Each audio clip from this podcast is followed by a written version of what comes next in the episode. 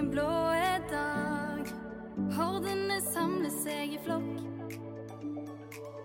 Hele byen på samme lag, kledd i mørkeblått. Med Viking. Velkommen til episode 89 av Vikingpodden. Dette er en prematch-episode som spilles inn dagen før Viking sin siste kamp i sesongen 2021, som er borte mot Tromsø. Med meg til å geleide oss gjennom et ganske spennende program, om jeg skal si det sjøl, så har jeg deg, Bjarte Østebø. Velkommen. Takk, takk. Og vi har mange gjester her som, eh, som stiller opp i poden podden i dag. Vi har med oss Roar Åkerlund og Tommy Nærland fra Vikinghordene og Felt O. Så har vi fra administrasjonen i Viking, Eirik Bjørne og Kjartan Salvesen. De kom innom en tur. Så har vi noen representanter fra eh, Viking Oslo. Det er Charlotte Mæland, Geir Søndeland og Mimir Kristiansson. Så skal vi ringe til Morten Jensen. De er på vei eh, østover og nordover mens vi spiller inn, så vi ringer til Morten og hører hans tanker før kampen i morgen. Og til slutt så skal vi høre fra Tre Blad Jøssang. Det er tre vikingsupportere som òg har litt eh, ja, forskjellige jern i ilden på, på Twitter og, og, sånne ting. Og det er Terje Jøssang, Daniel Jøssang og Dag Idar Jøssang. Så vi håper det blir en bra episode. Og så må vi òg bare si til Skjold7, han heter attskjold7 på Twitter, at vi beklager med at vi ikke endte opp med mer enn ti gjester. Så håper det blir en god episode. God lytt. Velkommen til episode 89 av Vikingpodden, som spilles inn før kampen mot Tromsø den 12.12.2021. Vi har med oss mange gjester, og de som er med oss først her i dag, det er dere, Tommy Nærland og Roar Åkerlund. Velkommen. Takk for det. Takk, takk. Går det bra? Ja, det går veldig bra. Nå har vi jo gledet oss til dette her i et halvt år, så endelig er vi i Tromsø og starter første formiddagen med å gå rundt i gatene i Tromsø og treffe mer kjentfolk enn jeg gjør når jeg går på Kvadrat, så Ja, det er jo dette bra. blir bra. Eh, Roar og Tommy, dere har jo fulgt eh, Viking ganske mange år etter hvert, så vi tenkte vi skulle begynne med en quiz. Oi da. Nei da, skal, skal ikke det. Men eh, hvis jeg sier datoen 29.10.2017, har dere noen minner knytta til den? Nedrykk i Tromsø. Det stemmer ganske godt. Jeg tenkte jeg skulle lese en, eh, et avsnitt fra Stavanger Aftenblad etter de dagene der. Skal vi sammenligne med situasjonen i dag? Det sto i Aftenbladet den dagen Rundt 20 vikingsupportere hadde tatt den lange turen nordover. Det er like langt i luftlinje fra Jåttåvågen til Alfheim som fra Jåttåvågen til Wien, en annen by vikingsupportere en gang reiste til, til en gang da målsettingen om europacupspill ikke var noe mer enn ønsketenkning i Vikings årsberetninger. Vinner ikke Viking denne kampen i dag, og på den måten forlenger lidelsen i ytterligere en uke, skal laget som fortsatt ligger på andreplass på maratontabellen, den fordums gullgrossisten fra Viking fotballklubb i Stavanger, spille i Obos-ligaen i 2018. Vikingsupporterne synger en sang vi aldri har hørt før, og de synger den høyt. Vi går nærmere og kan se så vidt ane hva ordene de synger er. Levanger camping. Vi bor på Levanger camping. De- Dette står de og synger der på Alfheim stadion. De har allerede forsonet seg med nedrykket. Neste år blir det ikke noe hotell, men i beste fall en firemannshytte på Levanger camping.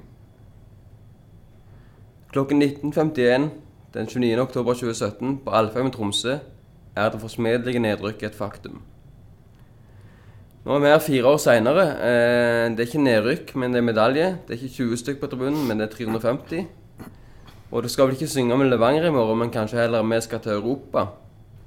For nå er ikke e-cup eh, lenger eh, sitat ønsketenkning i Vikings årsberetning, men det er faktisk noe som skal skje ganske snart. Og der har vi vel eh, litt av fotballen sine kontraster oppsummert. Hvordan er det å sammenligne situasjonen i dag med da? Nei, det er jo svart og hvitt. Altså, det er jo helt fantastisk det som skjer denne helga, i hvert fall med 350 tilreisende eh, som skal opp og se et eh, vikinglag som skal ta medalje og neste år skal ut i Europa. Nå skal vi bare opp og hylle dem. Mens forrige gang så Når dere reiste opp, så visste vi jo at det ble nedrykk uansett. Det ble jo bare spikeren i kista i Tromsø. Så Så ja, det er veldig stor forskjell. Eh, og det er stor forskjell på, um, på byen, hvordan den er i dag, hvordan stemningen er på stadion. Alt har bare forandra seg. Så det var jo trist som bare det. Mens i dag er det jo himmelen. Og nå er det sånn at dere har mobilisert 300-350 mann til Tromsø. Eh, siste serierunde i desember. Den kaldeste plassen du kan reise, kanskje. Den dyreste turen du kan ta, kanskje. Eh, og til en kamp som egentlig ikke betyr noe, viser det seg. Eh, du må fortelle litt, Tommy, hvordan dere har mobilisert, og gjerne hvordan, hvordan kom den ideen til liv? Ja, eh, det starta jo tilbake i september. Eh, egentlig bare helt sånn at jeg har jo ei dame herfra, så svigerfar bor rett oppi her. Så meg og hun egentlig reise. Eh, så heiv jeg, eh, heiv jeg turen ut i et par chatter eh, hvor jeg eh, hadde vært inne på Norwegian og sjekka et par eh, priser og sånne ting. Eh, det var veldig billig. Jeg visste at eh, prisen ville bare stige jo nærmere du kommer kampen. Eh, men allikevel så heiv folk seg på. Eh, det var 20-30 stykker som bestilte med en gang. Eh, og så tenkte vi ja, ja, vi kjører det bare ut i mm, sosiale medier. Ser hva vi, ser, ser hva vi klarer. Eh, tok kontakt med en i, Forsa Tromsø. Spurte hva ca.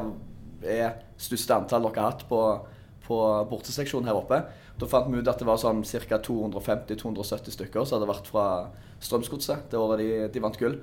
Og da tenkte jeg OK, da, da setter vi 300 som mål. Eh, jeg lo av det sjøl, alle andre lo av meg. Men, men eh, vi har fått det til. Folk har jobba på så bare det. Vi har girt opp hverandre. Eh, og så er det liksom ekstra kult at det liksom har vært Tromsø. Det har vært eh, desember. Vi visste det skulle bli snø, vi visste det skulle bli kaldt. Eh, vi visste jo ikke vi skulle ta medalje, vi visste jo ikke at det skulle bli sånn som dette. Men ja, det var bare morsomt å lage ei greie ut av det. da. Eh, og i tillegg så var koronaen over, trodde vi. Eh, så liksom få en sånn skikkelig tur sammen, da. Det gjorde nok mye for, eh, for folk. Og Du nevner jo dette med covid, men det, det har ikke blitt mye forfall pga. covid nå. Det er et sterkt eh, bortefelt i morgen.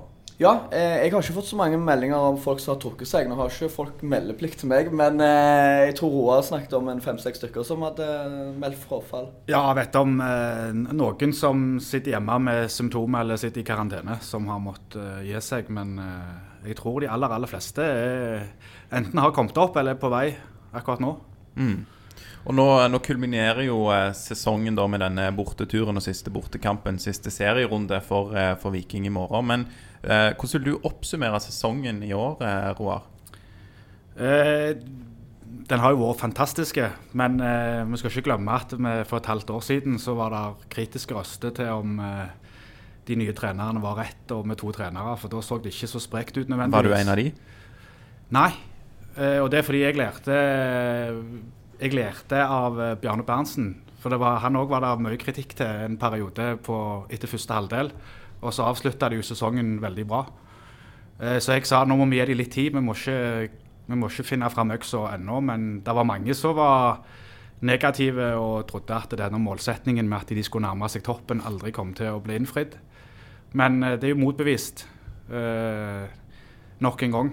Og det, det er jo litt Viking er om dagen. med Altså Når de spiller kamper òg, havner de bakpå, så snur de det. Og det, det har de gjort med sesongen òg. De havna litt bakpå, og så har de snudd det til, til noe som er gøy positivt. Så, så sportslig så kan vi aldeles ikke klage på sesongen. Nå er det egentlig bare litt irriterende at de ikke var at de ikke henta mer poeng i begynnelsen av sesongen. Så kan du sitte og irritere deg over de der kampene de skulle ha vunnet. og Rant inn litt mye mål der i begynnelsen av Ja. sesongen. så hvis du, hva er det de sier? Fra serierunde ti så er vi ett poeng bak Bodø-Glimt. Så, så hadde de vært på fra start, så, så hadde det vært gøy. Men for all del, de fikk jo en spesiell sesonginnledning da, med restriksjoner og forskjellig sånn. Så det ble jo en spesiell inngang til sesongen med nytt trenerteam og sånn. Men, men sportslig så er jo sesongen iallfall i henhold til målsetting og, og enda bedre. Og så gjelder det jo bare å bygge videre nå. Hvis vi tenker litt på det sportslige, hva syns dere er det høydepunktet sånn på banen denne sesongen? Det er jo det verste du kan spørre oss supportere om, for uh, vi, veldig, veldig ofte I hvert fall ikke spør deg, Tommy, om det. Nei, nei. Får ikke med meg mye. Jeg har jo mer sånn høydepunkt på tribunen. Jeg. Eh, Ja. Når jeg får sånne spørsmål, så står det litt blankt hva som er høydepunktet. Eh, men eh, Da sier vi overtidsmålet mot- Molde, kanskje. Det kan ikke være feil. ja, det var, det var gøy. Eh, Men høydepunktet på tribunen, da? Hva er det? Er det- Yet to come? Er det det? eller? Ja, der er jeg, der er, der har vært så mange høydepunkt. Det er liksom, Vi har et utsolgt felt O på alle hjemmekampene nå i høst. Eh, Og det kommer så mye nye folk som leverer på tribunen.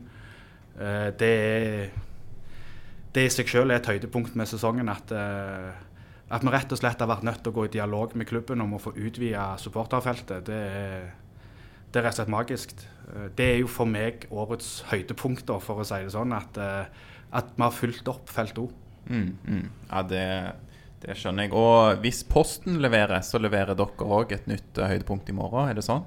Det kommer noe TIFO da, hvis eh, pakkene kommer fram. Akkurat når vi snakker, så ser jeg får melding fra Posten at pakkene ligger på postkontoret i Tromsø. Så da, kommer det litt tribuneshow i morgen òg. Åh, det er gøy, da. Det er gøy. Um, denne kampen, du var kanskje litt inne på det, Bjarte, men den betyr jo ingenting sånn for tabellplassering, da. Altså, vi skal jo utfordre Morten eh, litt etterpå når vi skal prate med han på telefon. ehm, på dette med å spille på Tromsø et par eh, tidlige røde kort og virkelig putte mange mål da, for å gjøre det litt spennende om, om sølvplassen. Men mest sannsynlig så betyr denne kampen ingenting. Ikke for oss og ikke for Tromsø, for tabellplasseringen. Er det, er det litt dumt, eller er det litt sånn befriende? Da kan vi slappe litt av og kose oss. Jeg tenker i hvert fall at eh, Da er det ingen grunn for folk på tribunen å ikke gi alt. De trenger nesten ikke følge med. De kan bare gjøre som meg. Bare stå med ryggen til og synge, egentlig. Men eh, nei, jeg tror bare folk kan senke skuldrene på tribunen og bare Vi skal hylle dem nå. Det er jo det vi skal. Eh, gi maks eh, på tribunen. Og jeg tror spillerne òg er steingira på å gi alt i siste kampen. De vet at det kommer 350 stykker. De kommer ikke til å slappe av. Eh, så kom, denne kampen kommer til å bety noe, selv om ja, det, vi får jo tredjeplass. Vi, vi tar jo ikke andre. Altså, det, det gjør vi ikke. Én til ti millioner, kanskje, sjanse for andreplass. Og det er ja, dårlig odds. Du sier litt om det med spillerne, at de har fått klar beskjed òg, sto det i avisa at ehm, i dag at um, de skal, må ut på banen og prestere. At, fordi at nå er det så mange som har mobilisert og brukt pengene sine, som Morten Jensen. At uh, nå må spillerne vise igjen Uh, at det betyr litt. Uh, kan du si litt om altså for, Forholdet mellom fansen og spillerne har jo utvikla seg litt de siste åra, virker det som. Det er tettere enn noen gang, kanskje. Hvordan forklarer dere det utviklingen? jeg, jeg tror det er en del av eh, noe større som har skjedd med klubben. Eh, altså Klubben har, blitt, har hatt en filosofi at de skal bli mer åpne, eh, og de har lykkes veldig med det. Eh, og det har spredd seg ned til spillertroppen og til trenerne. Og, eh, og nå har de en tropp som virkelig setter pris på fansen, og da er det lettere for fansen å sette pris på de òg. Eh, og vi føler at de det, Vi har spillere som blør mørkeblått nå. Det er liksom ikke spillere som er der pga. en kontrakt og en lønn. De er der fordi de bryr seg om klubben. og eh, Du ser spillere som Løkberg som, eh, som kom utenfra, men liksom er så glad i Viking. Eh, jeg får jo høre hver gang jeg snakker med Morten Jensen at eh, eh, Bell han er jo mest, den, mest sannsynlig den som blir mest mørkeblått. og Det er jo en grunn til at det der er en vurdering om om vi, kan, vi har et håp om å få han med oss videre, for å si det sånn, fordi han er, han er enormt glad i klubben. Eh, og Tidligere så har vi jo hatt sånne spillere som kommer utenfra, som de bryr seg ingenting om klubben, de bryr seg ingenting om fansen. De er der for å gjøre en jobb og, øh, og i håp om å få komme til en større klubb etter hvert. Men, men troppen vi har nå, de, de er glad i klubben, og det, det viser igjen. Og det er nok en del av suksessfaktoren de har hatt de siste par åra. Er det lettere for dere som supporter å gi litt ekstra for det når, når dere merker at det betyr noe for spillerne? Uten tvil. Det er mye kjekkere å være supporter til et eh, lag som, eh, som blør for drakta, og som setter pris på, på oss som, som er der og støtter dem. Det, det er mye kjekkere. Og det er lettere for oss å, å få med flere folk eh, på det aktive tribunelivet når, når spillerne eh, setter pris på det. Gidder du ta mikrofonen litt ned og litt tettere, Roar? Så blir det mindre sus i når vi skrur opp på deg. Så, ja. Ja. Det er greit. Nå eh, har jo Felt O lagt bak seg en bra sesong, og dere har ambisjoner for neste sesong òg. Og jeg hørte på Felt O sin egen podkast at nå blir det Nå vokser feltet, og dere har ambisjoner om å utvide for et nytt felt på stadion. Kan dere fortelle litt om planene eh, som ligger på det foreløpig? Ja, det, nå eh, forsvinner jo P-feltet og blir en del av eh, felt O. Og det er jo Vi kom jo der at eh, når vi står med fem, fem hjemmekamper på rad som er utsolgt på felt O, eh, så hvis vi skal vokse videre, så må vi ha større plass. Eh, og da var vi ganske tidlig i dialog med klubben om å finne løsninger. Så nå utvider vi med felt O til, til å bli i hvert fall over 50% av kortsida. Da har jo vi en jobb å gjøre sjøl med å klare å fylle Mm, et så stort felt. liksom. Ja, Ja. Vi, vi vet sjøl at det, det, det fyller seg ikke sjøl nødvendigvis. Eh, Men målet vårt er jo at eh, det skal, bli gøy, det skal være gøy å være på felt O, selv om de sportslige resultatene går galne veien. Eh, Det er jo målet vårt at felt O stiller opp for Viking, uansett hvordan tabellen ser ut eller hvordan det går på banen. Og da trenger vi flere folk med oss, for jo flere vi er, jo lettere er det å stille uansett. eh, og føle at du du skal stille på kampen på søndag, selv om vi om ett år forhåpentligvis ikke spiller om en åttendeplass. Eh, og det er jo noe av de tingene vi jobber med. Det er jo å få de som er på feltet til å forstå at eh, det er kjekt nå, men vi skal òg levere og ha det gøy på feltet, selv om det som blir levert på banen ikke nødvendigvis er gøy. Nå er En av de tingene som eh, har Felt òg, er jo at det har kommet en del unge på tribunen som har dukket opp ja, Ingen vet hvor de kommer fra, kanskje. De bare plutselig så kommer der Jeg så annet en, en, en eh, tweet i dag med en gjeng fra, som kommer helt fra Sauda og har eh, brukt, brukt alle framkomstmidler som finnes i dette landet for å komme seg til Tromsø. Eh, Eh, Så det, det, det er rett et ungdomsfelt på gang i tillegg. Felt O junior.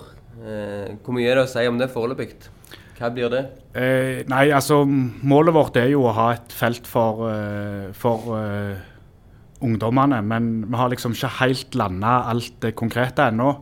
Eh, sesongkortsalget kom litt eh, som vanlig både på oss og på Viking, som julekvelden på Kjerringa. Men eh, der kommer info nå i løpet av de neste 14 dagene litt om tankene rundt det feltet òg juniors. Men tanken er jo at eh, de, de yngste som har lyst til å være med og, og lage tribuneliv på stadion, eh, får et eget felt og eh, blir i umiddelbar nærhet til, til oss som står på øvre delen av feltet, på felt O. Og forhåpentligvis i sammen kan lage enda mer stemning på stadion. Men i andre land så er det vel sånn at utviklingen ofte er at eh, alderssnittet på eh, supporterfeltet blir høyere, og det er vanskelig å rekruttere nye unge supportere. Hva er det som kjennetegner de som dukker opp i Stavanger nå? Hva er forskjellen på de og dere gamlinger som har De hopper i 90 minutter. Det er en, det er en utfordring for oss som har eh, noen års erfaring, for å si det sånn. Vi er jo, vi er jo mer utslitte nå enn noen gang har vært etter en eh, kamp. Eh, eh, nei, altså de kommer i hopetall, og det er gøy. Og de leverer. De er med og lager stemning. Og, og det, det er forferdelig kjekt å se eh, det som vi opplever, med, med at vi går imot eh, strømmen i hele fotball-Europa, inkludert Norge, med at eh, snittalderen på supporterfeltet øker, men eh, vi går kraftig nedover. Og det går ikke på bekostning av de erfarne, for de er med, de òg. Og det er gøy. Og det er jo en viktig grunn til at vi har økt, det er at eh, de som har holdt ut i alle år, ennå er der. Eh, og vi trekker til oss nye. Både unge og, og voksne. eh, Hvis det sitter noen og hører dette som har lyst til å ta steget neste år, hva gjør de da? Da kommer du på felt O og gjør så godt du kan. Det er ingen som forventer at du skal komme på felt O og kunne alle sangene med en gang. Eh, alle er velkomne uansett. Eh, det eneste er at du vil bidra til et, eh, til et bedre supporter, eh, supporterstemning eller supporterliv på Viking stadion. Eh, være med å løfte det. Eh, så kan du komme uansett hvilken alder du er i. Eh, og hva mer gjør du da? Eh, Nei, vi, vi jobber jo òg med å få innarbeida igjen en pubkultur. da, At det er en samlingsplass før kampene. Mm. Det er jo noe som mange har savna i Stavanger. Eh, så nå har det jo begynt å bli litt samlinger på sportskafeen før kamper. Forhåpentligvis så, så klarer vi å få inn en kultur at vi blir så mange som går på pub før kampen at vi fyller mer enn det lokalet vi har på sportskafeen, og gjerne fyller hele Beverly igjen, sånn som i gamle dager. Eller eventuelt på sikt får en pub på stadion så, som blir en skikkelig fotballpub, og ikke, ikke det som er nå. For nå er det Det er ikke en helt fotballpub det som er på stadion nå, men på sikt med utbygging av stadion og sånne ting, så, så vet jeg der, der jobbes med å få til noe skikkelig på stadion. Men, men, men pubkulturen er det kun vi som kan gjøre noe med, og den, den jobber vi med å få til. Skal vi ta et par eh, lytterspørsmål? Vi var jo inne på dette med eh, forholdet med Eller dere har til spillerne, forholdet mellom eh, fans og spillere. Og Kjetil Nilsen, han heter Herr Skurk på Twitter. Han, eh, han sier i Vikingpodden 87 og sist Felt O-podkast ble Gunnarsson kritisert, nei, unnskyld, karakterisert som en type spiller man ikke ønsker i klubben. Det var ingen av dere som sa det, eh, men det var vel eh, var Rune Du var med å sa det, Tommy. Ja, du Ja, var med og sa det. Så Tommy og, eh, og Rune og Danilo, da Rune og Danilo fra Felto Podcast sa det. Mm. Eh, men når man har fått det litt på avstand, når man faktisk har noen matchavgjørende redninger sist, er han tilgitt, eller ligger den episoden og ulmer litt fortsatt? Den ligger nok og ulmer litt ennå. Eh, Jeg ser jo det alle skriver med at eh, han har matchavgjørende redninger osv., men denne her filminga den klarer ikke jeg å slippe helt ennå. Jeg syns det var pinlig. Et pinlig eh, for klubben og pinlig for han. Altså, Vi ble jo latterliggjort i hele verden, nesten. Og Iallfall her i Norge òg. Så ja, jeg kjenner litt på den ennå. Eh, Så det skal gå litt tid før, eh, før jeg glemmer det, altså. Eh, Men klart, jo flere matchavgjørende redninger, jo, jo bedre. Det, Kan jo heve seg litt i eh, mediebildet og på en måte i dialogen med supportere, kanskje, så Ja. blir det bra. Det var det at han liksom Hadde han bare gått og, ut og lagt seg flat, at det var dumt, det jeg gjorde, og jeg, jeg filma, jeg var en tulling OK, da hadde vi liksom lagt den død. Vi går videre. sant? Alle, alle, alle kan drite seg ut. Men liksom når han ikke kommer og legger seg flat og liksom prøver å vri seg unna, sånn som han gjorde, som jeg føler, da, så har han ikke innsett alvoret, og ja, da er det litt vanskeligere å tilgi, da. Ja, forstår det. Vi får se hva, hva tida gjør med den saken. Um, så har vi fått inn et eh, spørsmål fra nevnte Rune Edvardsen på Twitter. Fordi det har seg jo sånn at uh, Felt O har jo denne podkasten som vi allerede nevnte. Vikinghorden er jo en del av eh, Felt UO, så jeg tror det er i den sammenhengen at eh, Rune spør til deg, eh, Roar. Eh, vet han hva reklame koster, og tror han det formidles gratis? Hashtag Black Friday. Ja, jeg eh, har jo etter mange lovnader endelig fikk jeg eh, lurt inn noe reklame for nettbutikken vår i den eh, Felt O-podkasten. Det unge Edvardsen glemmer, det er jo at eh, den reklamen er jo allerede betalt. For selv om de ikke har teknologisk kunnskap til å ha så mye utstyr i en podkastinnspilling som dere bruker, så har jo Hordene dekt en del utstyr som de skulle bruke til podkastinnspilling. Men de hadde ikke teknologisk innsikt til å ta det skikkelig i bruk. Så de måtte kjøpe noe nytt og enklere, som òg Hordene har dekka. Så, um, så jeg anser jo den reklamekostnaden som allerede betalt. Så, så jeg forventer jo egentlig litt mer reklame på sikt. Men han bidrar jo nå. Vi sitter jo og snakker om nettbutikken på vikinghordene.com. Ikke sant, ja. Eh, Nå òg, så, Så han gjør deg jo en tjeneste. Det var nok det som var hensikten. det var nok en, en skjult agenda der, ja. Ja. Men, men det, eh, kjører de den eh, Felt O-podkasten med litt eh, hard hånd, Og Rune og Danilo? Er det litt sånn trangt nåløye for å få, få spredd glade budskap fra Horden og andre inn der, eller? Ja, altså, Podkasten er deres, for å si det sånn. Det er de som styrer den. Så eh, de skal ikke være noe, de skal ikke være noe reklamekanal verken for Vikinghordene sin butikk eller for noen andre. Det, det tror jeg ikke verken lytterne vil, i hvert fall ikke de vil. Så, så de, skal slippe å, de skal slippe å få en, eh, fast, et fast reklameinnslag fra Horden, iallfall. Det, det er good. Da får de stille opp på Black Friday, og det får være eh, greit. Ja. Yes, eh, vi, vi nærmer oss jo slutten av denne bolken. Og jeg har jo glemt å si Jeg sa hvilke gjester som ikke kom. Det kommer jo eh, noen andre eh, kule gjester, syns jeg. Erik Bjørnø, Kjartan Salvesen, en gjeng fra Viking eh, Oslo, Geir Søndeland, Mimir Kristiansson, Charlotte Mæland. Så skal vi ha med Treblad Jøssangs. Eh, men dere åpner jo da eh, showet her, eh, eh, Tommy og, og Roar. Ehm, eh, hva, hva skjer nå resten av dagen? Nå gjør folk litt som de vil fram til klokka fem. Da blir det åpning på Heidis. Eh, så da håper vi flest mulig tar turen bort der. Av de som er i Tromsø? Ja. I Tromsø, ja. Og så eh, blir det òg åpning for eh, de som er 18 og 19 på Lola, som er andre etasje over. Så blir det full vikingfest utover kvelden. Og så er det på'n igjen i morgen tidlig for de som orker det. Og så vil vi òg at alle skal møte på tribunen en halvtime før eh, kampen starter, så vi får lagt skikkelig god stemning eh, med en gang og gire opp guttene. Ja. Halv, halv fem på Alfheim. Halv fem. Og hva er trikset for å holde varmen på kampen? Masse synging, masse hopping. Og ja, Ja. bare gass.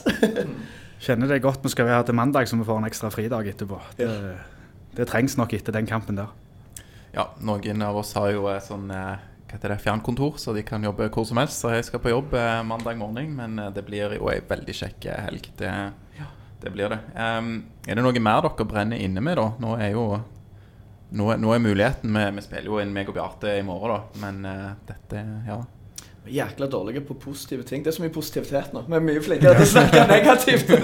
Det, det er kjempebra. Alt er, nei, alt er bare topp nå. Det, vi gleder oss til denne helga her. Det blir sykt Ja, bra. supert. Og det kommer jo sikkert noen eh, perioder der du kan få dra fram denne negativiteten igjen, Tommy. Det, Vi trenger det av og til.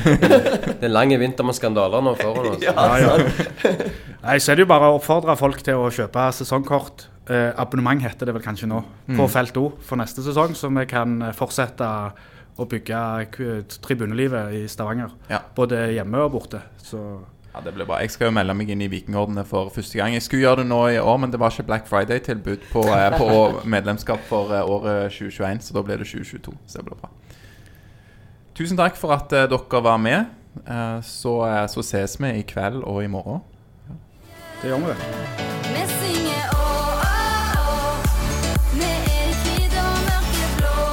Da er vi tilbake her i eh, episode 89 av Vikingpodden. Vi har fått inn eh, noen etternølere som var forsinka med et eh, SAS-fly.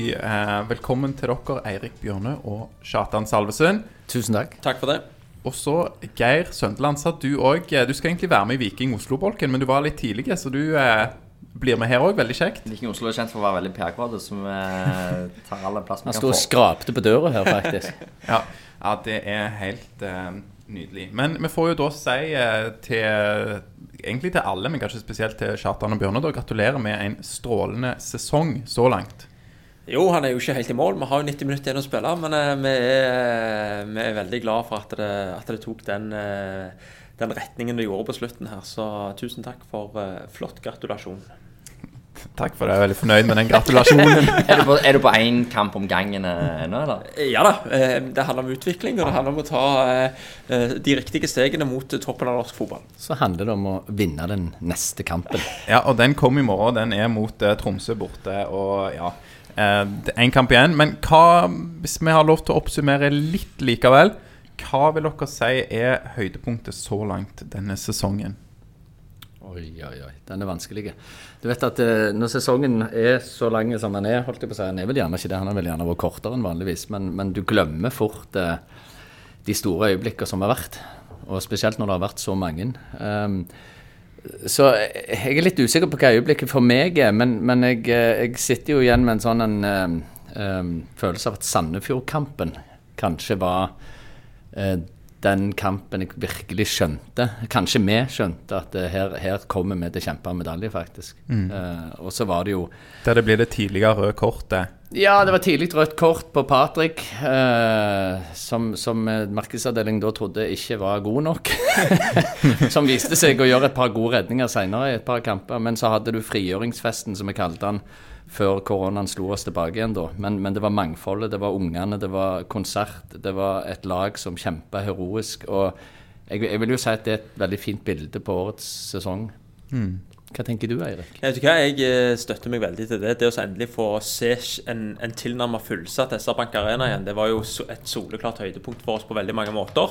Og det sportslige høydepunktet er nok gjerne David Brekkalo sin inntreden når han går opp og eh, hamrer inn eh, skåringen mot Molde der helt på slutten. Den, eh, sånn sportslig er det gjerne det som sitter igjen mest for meg, men, eh, men uten tvil den folkefesten mot Sandefjord. Og gjerne de siste fire kampene sett som eh, hjemmekampene sett på som en helhet. Eh, sant? Det er utrolig mye, eh, mye positivt å ta med seg av den oppslutningen som vi har sett de siste kampene. Så, så det, var, det har vært utrolig gøy. Da eh, skal vi slippe inn en eh, person til. Litt Ja, usikker det er sikkert fra Viking Oslo, vet du. Ja, De er, de er veldig gira på Foto Fotografen? ja det, Det er nei, fotografen, ja. Det er bra. Da kan jo du Velkommen skal du være. Da kan jo du få si litt, Geir, akkurat i det fotografen gjør sitt, sin inntreden. Er det noe du vil trekke fram som eh, sånn høydepunkt, eller noe du husker ekstra godt fra sesongen til nå? Uh, for meg så har Viking tatt steg på veldig mange områder. Og uh, f.eks. på bortebane så, har, så var vi vant med før at Viking på en måte kanskje eh, la opp sin kampplan ut ifra hjemmelaget. Nå er det Viking som legger sin kampplan ut ifra en tanke om at vi er gode nok til å vinne. Uansett om det er Bodø-Glimt eller eh, Molde. Eh, så har du eh, den tilleggsfaktoren med eh, supporterne. Ta f.eks. Brann og, og Bergen. Jeg var ikke der. Det var ikke så mange fra Viking Oslo som var der, men fy fager med folk som var oppe i Bergen på en torsdag. Eh, eh, så det eh, Hva skal jeg si? Altså, Viking har blitt en forse å regne med nå i norsk fotball på, på hjemmebane, på fortet vårt, men òg på, på bortebane. Så for meg så er det den der de stegene som eh, Morten og Bjarte sa at Viking skulle ta, som vi faktisk har tatt. Stabæk-kampen borte er jo en, et godt, godt, eksempel på det som du nevnte, Geir. Med at det er jo en typisk motstander som har ofte vært ganske kjedelige kamper. En 0-0-1-0. For at Viking har ikke noe å Ofte ikke hatt en tilsynelatende hatt en plan på hvordan du skal bryte denne motstanderen der. Men det var òg et sånn vendepunkt at det, var jo Viking gode fra start til mål. egentlig. De hadde et grunnspill som endte med Jeg var egentlig aldri bekymra for at det skulle gå galt, selv om det var en Det, det var et, et del perioder der det ikke satt helt, og plutselig, plutselig ble det 3-1 vel til slutt. Og følte det var en fortjent seier fra start til mål. Og det er vel kanskje et eksempel på hvor mye de har utvikla grunnspillet sitt i det, de kinkige kampene. Ja, Det må jeg faktisk være helt enig i. Nå skyter markedsavdelingen inn her fra venstre. Eh, og det, Nå har jeg jo vært med såpass mange år. eh, jeg har blitt gammel nå, vet du. Men det er jo mitt ellevte eller tolvte år i Viking. eh, og de kampene som du sier, de har vært alltid så vanskelige. Borte mot type Mjøndalen eller Jeg skal ikke dra fram Mjøndalen engang, for de har ikke figurert så lenge. Men, men Stabæk f.eks. på den grasmatta der. Så den husker jeg eh, meg og Eirik òg sto og vandra hvileløst rundt på den eh, gigantiske stadion deres uten tak og uten vindfang. Eh, der hølja ned. Og vi så mørkeblå spillere som, som bare kjempa med hjertet utpå drakten. Og så er det du sier det er et eller annet grunnspill, ja. Og nå- kan jo jeg snakke siden jeg ikke er sportslig engasjert i klubben, men det er noe med den der sentrallinja med, med skikkelige folk, med skikkelige brystkasse og, og, og, og en kapasitet som jeg ikke har sett siden, ja, siden Nikolai Stockholm var på, på midtbanen. Men så det er et veldig godt bilde, det. Og så tror jeg gjerne at eh, etter den kampen, hvis du ser vekk fra det sportslige, så, så, så etter den kampen så oppstår årets øyeblikk for meg, da. Eh, når Løkberg gir, eh, gir boblejakken sin til, til en ung gutt på toppen av tribunen der. og det, liksom, det oppsummerer veldig av det vi ønsker Viking skal være. Så, så, så at det kommer etter en sånn Det jeg føler er en ganske sånn dominant prestasjon, egentlig, fotballmessig, og, og på tribunen, hvor det er veldig mye folk. Og, og vi hadde med en god gjeng fra administrasjonen til den kampen. Og, eh, men å se et sånt et øyeblikk, eh, og se gleden som, som faktisk Viking gir, og, og hvor samlende det kan være, det, det er faktisk eh, årets høydepunkt for meg. Du var inne på det, Kjartan, at du vandrer litt hvileløst rundt. Jeg har merket at både du og Bjørne sliter litt med det å stå i ro under kampene. Kan du si litt om hvordan det, kan du si litt om hvordan det er å være eh, dere under når Viking spiller kamp? Ja, nei, det er helt forferdelig. Men det tror jeg det gjelder for deg òg, og, og andre som hvor, hvor Viking betyr så Altså, det betyr jo alt. Jeg har jo sagt det tidligere at en, en god kamp med Viking, eller en viktig skåring med Viking, er jo eh, større enn Nå er ikke hun her, nei. Større enn både fødsel og, og bryllup, liksom. På én gang. Altså, det er noe helt enormt med det. Så det betyr så mye. Det betyr så mye for hverdagen til Eirik og for meg, og, og til dere òg, selvfølgelig. Men vi står jo og jobber i dette hver mandag og tirsdag, onsdag, torsdag, fredag. Og hele uka og hele livet eh, dreier seg jo om Viking. Så det er jo derfor jeg har eh, Jeg kommer nok til å leve et par år mindre enn det dere gjør. For hjertet mitt har gjennomgått en del nå. Så. Det at du har vært med i såpass mange år etter hvert, det betyr at du har vært med på en del eh, nedturer, en del middelsesonger, kan vi si, og nå er det en del oppturer på slutten. Eh, tror du at du kjenner enda litt, enda litt bedre for deg å faktisk være med på triumfene nå når det har vært i den mørke middelalderen bak deg? Ja, ja. nei, altså jeg, eh, jeg bruker jo eh, bibelske utsagn her, vet du, med, med syv magre og syv gode år. Og det verste er at det har jeg gjort en del år. For vi hadde eh, syv år som var rett og slett bare nedadgående. Eh, nå snakker jeg om min periode i Viking, og så har det kommet de gode år etterpå. Så det gir meg jo nesten en, en tro på noe. Men eh, men det var jo en forferdelig mørk tid eh, som vi var gjennom. Eirik var òg med på, på nedrykket eh, og var med på en måte å snu skuta. Eh, og det at vi får oppleve den, den medvinden nå, den er jo, det er jo helt suverent. Men så har jo jeg en sånn iboende greie som Eirik kanskje ikke har. Men jeg sier jo det kommer jo alltid en justering. Så vi må jo være vokte oss for at vi ikke tror at dette kommer av seg sjøl. For dette er jo knallhard jobbing eh, med de riktige folka. Eh, og så eh, så må vi hele veien være på tå hev. Det er jo en ting jeg har eh, er er litt redd for eh, fortsatt. og Jeg husker vi hadde Nevland eh, og i Vikingpodden, og jeg spurte det samme til han. Eh, du, du nevner justering her, Kjartan, som kan, som kan komme. Jeg er jo litt sånn redd for voksesmertene. for dette, sant? Nå, går det, nå går det bra sportslig. Kanskje man, man kan gå videre i Europa, håper vi selvfølgelig på. Kanskje budsjettene kan vokse litt. Har dere noen tanker om det? Hvordan vi skal vokse riktig? Ja, om, om, jeg skal dele alle tankene om det her og nå, det vet jeg ikke om jeg skal Helst, gjøre. jo. Ja, men, men, men jeg skal i hvert fall eh, betrygge alle med at eh, vi er veldig vare for det og oppmerksomme på det. Eh, For det vi heller ønsker ikke en sånn situasjon hvor man bare bygger dette opp til et luftslott eller en ballong som bare må sprekke på et tidspunkt, og så sprekker den. Eh, Så vi skal ta de naturlige stegene. Vi skal huske hva som har tatt oss hit. eh, Fokus på det lokale. Vi skal ha en god troppssammensetning. Vi skal gi unge spillere sjansen. Vi skal prøve å engasjere bredere enn fotballen. Og Hvis vi fortsetter å klare å gjøre det, og knepper det selvfølgelig til litt eh, eh, gradvis på de områdene som kan bli bedre, så tror jeg at vi skal klare å unngå det. Men det er jo det som gjerne er det vanskeligste i fotball. Du ser på andre klubber i Eliteserien som, som hadde ett og to og tre strake år i Europa, hvor, har, hvor de har fått det tyngre etter hvert. Sant? Og det, det er helt naturlig, for det er den vanskeligste øvelsen. Så vi er utrolig bevisste på det. Har langt ifra noe fasit, eh, men vi er i hvert fall, vi er i hvert fall oppmerksomme på at vi skal og, og bevisste den satsingen, hva, som, hva som tok oss hit. Ikke at vi er i mål med noen ting, men, men det, det som har tatt oss hit, det har vært eh, en litt nøkternhet både i, i budsjettering og en, og en fornuft i, i, i fremgangsmåten, og det skal vi fortsette med. Men så må vi òg tørre, selvfølgelig, å ta noen steg. Tørre å utfordre det etablerte som, som nå er blitt etablert litt, sånn som vi gjorde for noen år siden. Sånn som vi har gjort hvert eneste år. Og Det kommer vi til å fortsette å gjøre. og Det gjorde vi før året i år, og kommer vi til å gjøre før året neste år. Men det blir ikke noe stormannsgalskap uh, umiddelbart. Det er det ikke. Det letteste ting i verden er jo å være god i medgang. Sant? Og alt går jo Vikings vei for tida. Sant? Eh, Dommeravgjørelser òg. Ja, ja, ja ikke, ikke sant. Eh, den store lakmustesten, stresstesten for, eh, for eh, Bjørne og Kjartan og hele Viking, er jo når motgangen kommer. Eh, så, så kan du kanskje si at vi har fått Altså, den nedturen til Viking var så kapital. Det var så altomfattende. Altså en helt sånn perfekt eh, nedtur. At vi tok, vi tok, tok med alt eh, i, i driten, og så har vi bygd opp fra, fra scratch. Eh, men det er da vi ser om den gode kulturen som, som eh, hele veien slår ut nå på alle parametere, om den faktisk er kommet inn i veggene nå. Og jeg, jeg tror jo, eh, og det, du, du oppsummerer på en veldig fin måte, og det, er jo litt den kulturen som, som er skapt, ikke bare i Viking, men rundt Viking, som er så utrolig viktig. Den, den supporterveksten som vi har sett i regionen, og når vi spiller på bortebane i Viking Oslo, og, og når vi har vært på, på Sunnmøre, så har det jo kommet en gjeng fra Hareid ned, og det har vært et sånn vanvittig engasjement. Eh, alle supportere òg er en del av kulturen vår. Så hvis vi klarer å forankre den bredere enn bare vi som jobber i klubben, så tror jeg at når motgangen kommer, hvis vi da på, på vårt vis klarer å stå samla.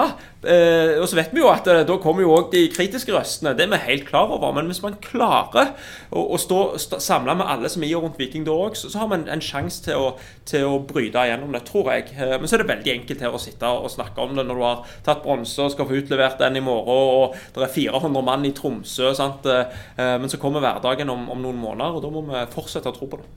Men vi samler jo ikke på tredjeplasser i denne klubben. Så, så. Å, det, det er bra. Det er så godt. um, ja, jeg går litt i surr for meg her, Bjarte, i eh, manus. eh, Men, Men eh, det gjør ingenting. Nei, det er good, det. Men Det er jeg tror uansett om vi skal skyte inn det fra markedssida, så vet jo jeg at vi skal jo ikke lenger tilbake til juni eller juli, hvor supporterne, sikkert noen rundt dette bordet òg, tvilte på Morten og Batty. Eller kasta de egentlig over bord at dette kommer ikke til å funke. Så det er så ferskvare, det vi holder på med, at du vet at neste sesong, hvis vi starter med to tap, så kommer de samme røstene. Og Derfor tror jeg for Vikings del og for Eriksen del så er det så viktig å beholde de rette folka i klubben og rundt klubben. Det er helt avgjørende for at denne kulturen skal fortsette. Og en kultur, den får suksess til slutt. En god kultur. For, for, for kultur er jo noe som er Større enn deg sjøl. og, og så mener jo jeg bare det at dere to sitter her i Vikingpodden og tar dere tid til å spille denne podkasten i Tromsø, er jo med på å bygge et fundament som er veldig sterkt når stormen kommer. Det er bare fordi det er kaldt ute, da. Det er liksom, Ja, men jeg, jeg husker jeg sa en gang for mange år siden at vi må rydde vekk så mye vi kan av grunner for at folk skal være sinte på oss. For at folk skal mislike oss.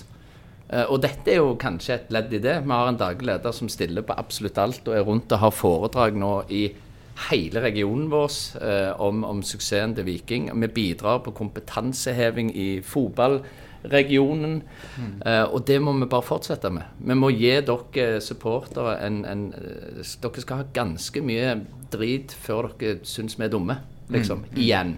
Og det tror jeg er å bygge opp en, en kultur som er så sterk at de holder med oss. Ja, og det, det som jeg syns òg er litt kult, det er at når, når, når den supporterveksten har vært rundt oss, og, og, og vi har tatt disse stegene, så, så selv når, når eh, Kjartan og Børge liksom har lagd noen helt fantastiske arrangementer eh, Og så har det jo vært delte meninger om man skal ha oktoberfest på stadion. sant? Det kom jo en supporter inn på, på kontoret vårt og sa at det var, han ville heller ha pest enn oktoberfest. Eh, og det lo vi jo Klassekommentar, og det lo vi jo godt av. Men, men det at vi klarer å spøke med det, og at alle respekterer at det er ulike syn på hvordan en fotballfest skal være, eh, det tror jeg at vi har tatt store steg imot. Og det gjør òg at den, den supporterkulturen kommer til å vokse videre. Kjartan, du nevner jo litt eh, at uh, Bjørnø er en eh, travel mann. eh, og du har jo vært med en stund, Erik, men i, i ny rolle nå i Hvor lenge blir det, da? Et år? eh? Ja, Godt og vel et år. Ja. ja. hva, hva tror du er grunnen til at Bjørnø lykkes? For det er i hvert fall vårt inntrykk. At han Oi. gjør ja. Oi, hvor lang tid har dine du? ord nå. Hvor lang tid har du? Skap en lunsj? Nei, hva, hva er grunnen til han lykkes? Altså, For det første så, så, så har det jo blitt skapt et fundament eh, sånn sett. Nå skal det være sagt, det er viktig å dra med seg at Henningsen satte i gang noe som var ekstremt viktig for klubben. eh, eh, som, som jeg òg får ta glede av nå. Men, men det er klart det er, jo en grunn til at han pekte ut Eirik eh, Bjørne etterpå. Eh, og det var ikke alle oss eh, rundt som kanskje så det der og da. Eh, men, men når du ser nå på, på hvordan han eh, blir oppfatta av alle Og det, det tror jeg jeg har sagt til Eirik òg før. Det er sånn at det, det, det, er jo, det er jo ingen som misliker deg.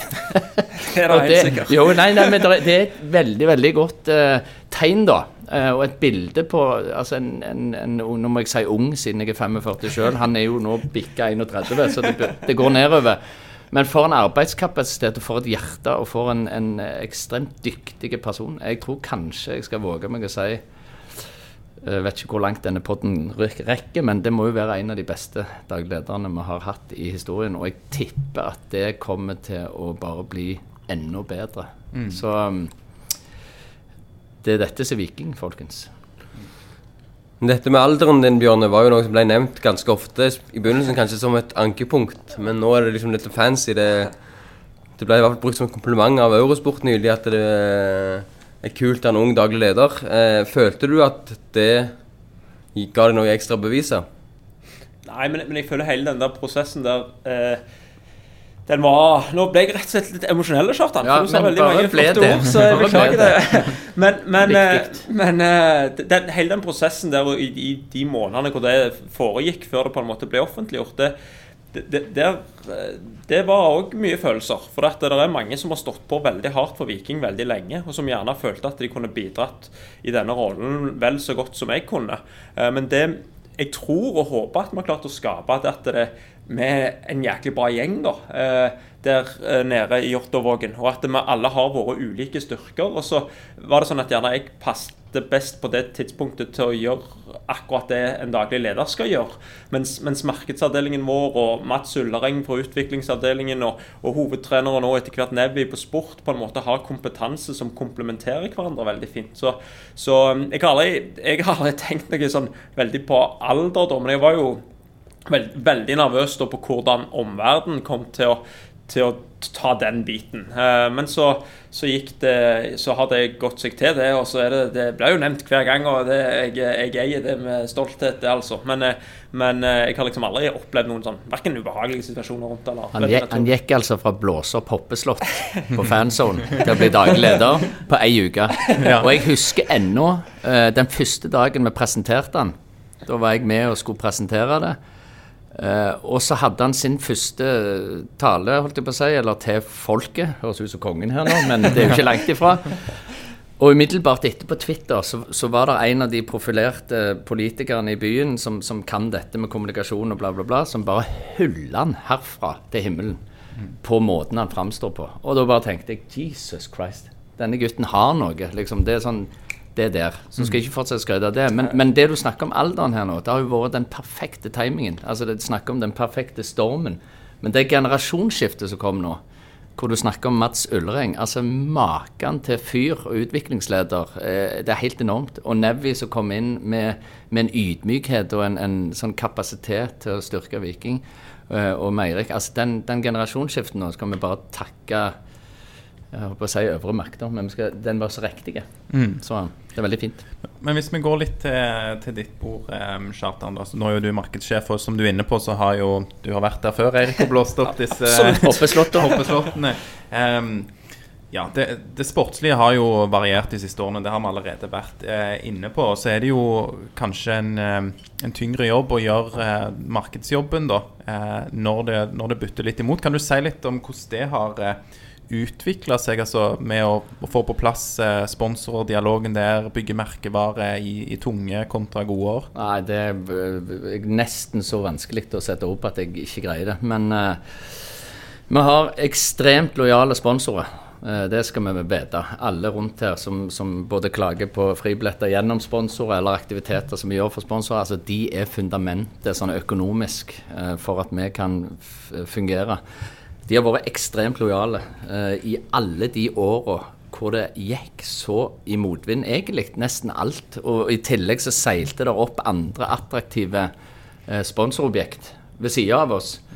Så den, den perioden der husker jeg at eh, den var Han var ikke tung. Han bare bygde opp et enda større behov for å vise at vet du hva, denne vikingskuta her, den skal snus. Det er for stort til at den skal synke. Um, så, men det å være med på det løftet som har kommet nå, i, i forhold til å få inn Børge og, og Lars Peder, og ha seila på en medvind med, med ung eh, leder, et generasjonsskifte og et, en klubb som som leverer, det er jo eh, Altså, det er jo der Viking skal være. Uh, så, så det har jo vært et eventyr. Og nå er det jo ikke sånn at vi tigger folk på den samme måten lenger. Nå, nå sier klubben ifra sjøl. Så det er veldig fint. Hvordan merker dere det i Oslo, da, Geir? Eh, Forskjellen på Viking da og nå? Uh, vi har merka det veldig godt. Viking Oslo eh, ble etablert i 2015. Uh, nesten som Altså, vi har ikke noen vedtekter eller, eller noe formulert på hva vi skal være, men, men vi var vel litt lei av at Altså, det var veldig vanlig på den tida i Stavanger å snakke ned Viking. Det var liksom alle, alle, alle hadde satt så løst å slenge drit om Viking. Og Oilers var the shit, liksom. Vi, vi stikker på, på Oilers. Så vi bestemte oss eh, for å liksom være den eh, På en måte prøve å bygge opp om, om vikinggreiene. Og så har vi fått så utrolig mye eh, drahjelp av Viking. Og da vil jeg trekke fram eh, Henningsen, som er, er nevnt her. Som, som kommer da eh, på en tirsdagskamp eh, og møter opp på Trafalgar. Og har med, han, hevder det her er ikke sant, men jeg velger å si at det er sant. Eh, Han har med en sixpack i, i posen og, og ikledd vikingdrakt og skal være med på den supporterbussen fra Oslo eh, på en tirsdagskveld. eh, Drakk ei halv øl, han da. ut til, Delte dere mer ut, ja. Notodden og, og er fan. Eh, eh, når vi arrangerer julebord, så, så, så har, hvert julebord vi har, så har jo Viking stilt opp med trenere og, og spillere. Eh, altså det er altså det, eh, Sånn var det ikke før. I, fra 2004 og, og ut i de gode åra rundt eh, 2010, når, når det var så mye penger i norsk fotball og TV 2 hadde hadde rettighetene, Da var det dresser og blazere, og det var VIP. Det var ikke ja, Ok, kanskje folkevippen kom etter hvert, men det var en avstand mellom liksom eh, eh, fansen på gulvet, da. Og, og den er der ikke lenger. Den er der ikke lenger. Spillerne står på, på felt O. Eh, nå skal, sånn som jeg har skjønt, så skal Viking-administrasjonen være med og stå med, med oss mot Tromsø. Eh, dere stiller opp, eh, opp her. Altså, det, det, det er en sånn der eh, Altså, alle drar i samme retning, da. Sant? Det er ikke en avstand lenger. Det er korte kommunikasjonslinjer. Eh, og det gjør jo at eh, eh, Snakke om fundament og sånt. Det er jo sånn du bygger klubb, og det er sånn du bygger support, supporterkultur. kultur. Eh, så, så det tror jeg mange andre klubber har veldig mye å lære av. Men, men det er jo litt som det som er så fascinerende, det er at jeg føler at alle i og rundt Viking kanskje vil det samme nå. Sant? at, vi bare, at det bare skal bli bedre, både på banen, men òg rundt det, og er med å understøtte det. Sant? Og nå har vi snakket om de samme personene veldig mye, her, men hvis du trekker fram en Markus Grass som en økonomisjefen vår, og Siv Dornes som, som passer på at disse guttene på en måte har eh, kontroll i sysakene. Det er så mange kapasiteter og krefter rundt Viking som har så ekstreme spissferdigheter, men i bånn ligger det sånn sykt mørkeblått hjerte hos alle sammen. Og det tror jeg er mye av det som gjør at det, det er kjekt å være med på disse tingene. Det er kjekt å ta del i det og, og få, få lov til å oppleve det, og bidra til det på, på, på de måtene vi kan. Og så er det selvfølgelig en, en, en lang vei å gå. En, Et annet bilde på det fra markedsavdelingen, det er for et par år siden eh, hvor vanskelig og ekkelt det var å gå ned i garderoben og spørre spillerne om å gjøre et eller annet oppdrag, eller det, ta noen filmer, gjøre noen bilder. Altså et eller annet. Altså jeg husker, når du begynte, Eirik, så husker jeg jeg sa jeg orker ikke gå ned. Altså det var, det var grusomt. Og så kom disse her Markus Nakkim og Leo Østigard og den type generasjon spillere, den som hadde hjertet utpå, uansett hva drakt, for så vidt. Men, men, men det er jo det vi opplever når vi er spillergrupper som bare forstår sin rolle i klubben. At dette er ikke noe pampevelde. Det er ikke noe, Og det er jo det som er Eiriks viktigste oppgave. Det er jo å holde dette akkurat der. Og det er en heftig oppgave. Det er noen typer der fra opprykkssesongen, ja, og det er jo kult å høre at du sier at de på en måte har satt sine spor, for det var jo veldig synlig.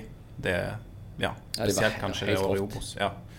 Så, men bare spør et eh, spørsmål da til dere, Kjartan og Bjørne. Nå får dere jo eh, mye skryt. eh, altså Vi nevner jo Eurosport og hva, hva de trekker fram andre nasjonale medier. Men vi vet jo hva som pleier å skje når ting går bra i Viking. Og nå må jeg jo spørre dere begge to. Altså, Har Rosenborg vært i kontakt og prøvd å hente dere?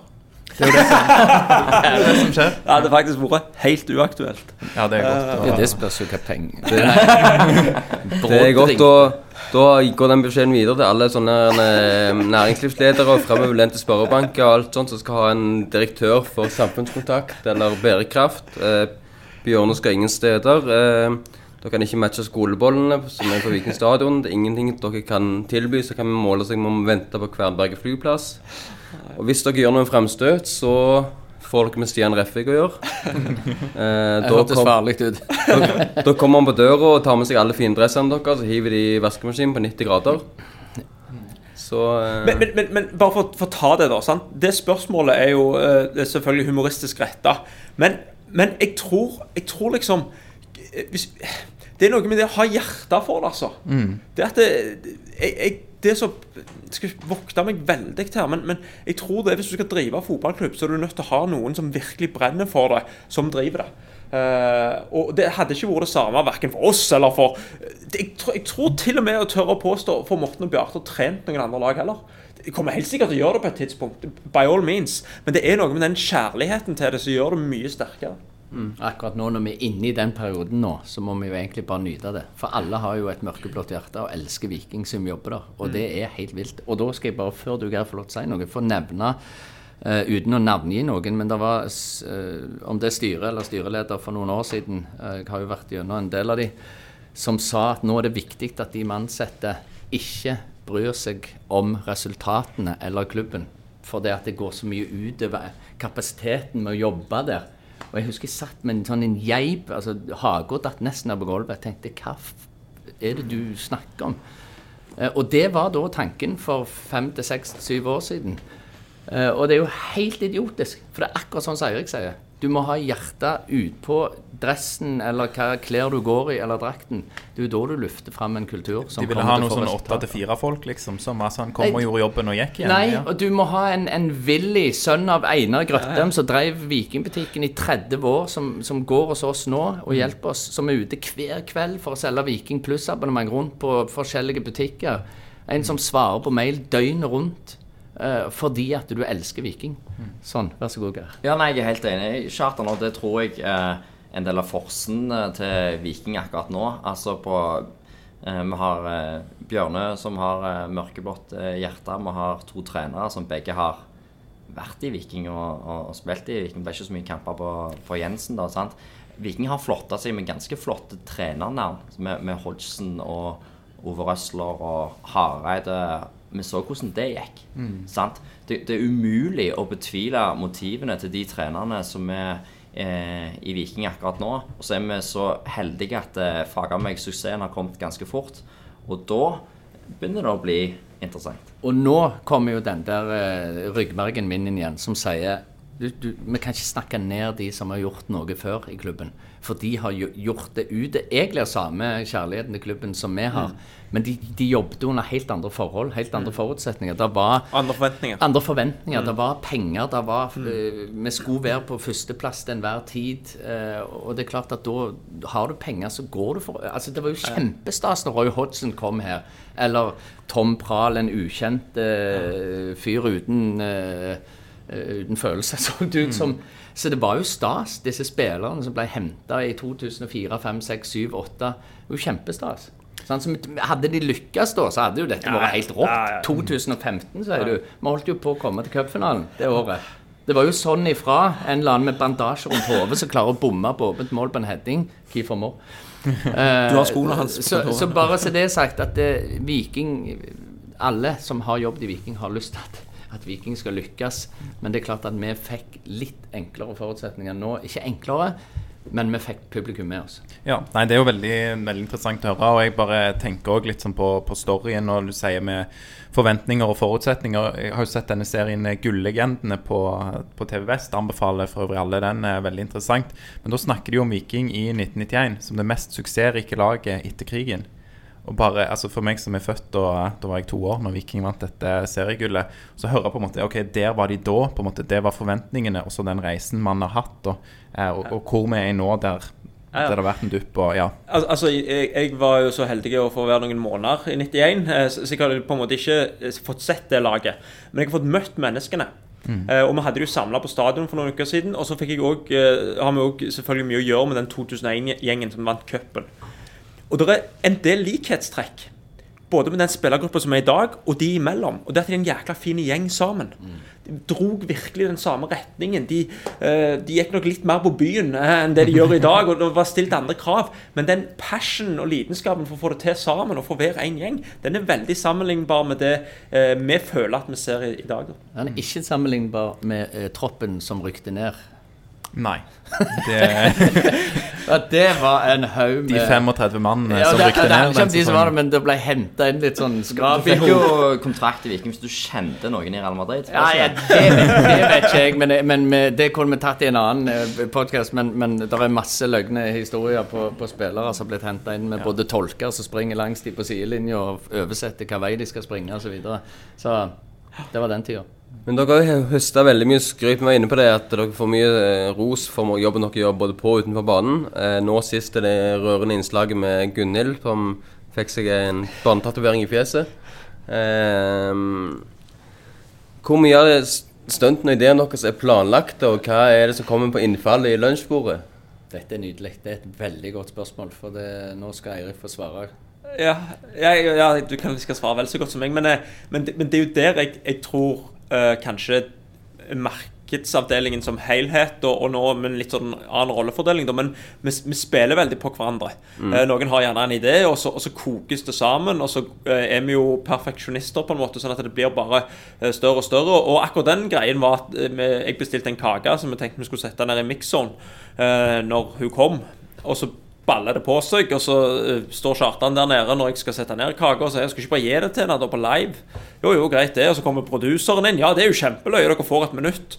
Ja, ja, greit det. Og så var det sånn OK, blomster, har vi det? Nei. Så følte vi vi mangla en liten sånn tvist. Så ja, vi går og kjøper et juletre. Ja, ja. Så gikk vi og kjøpte et juletre. Så.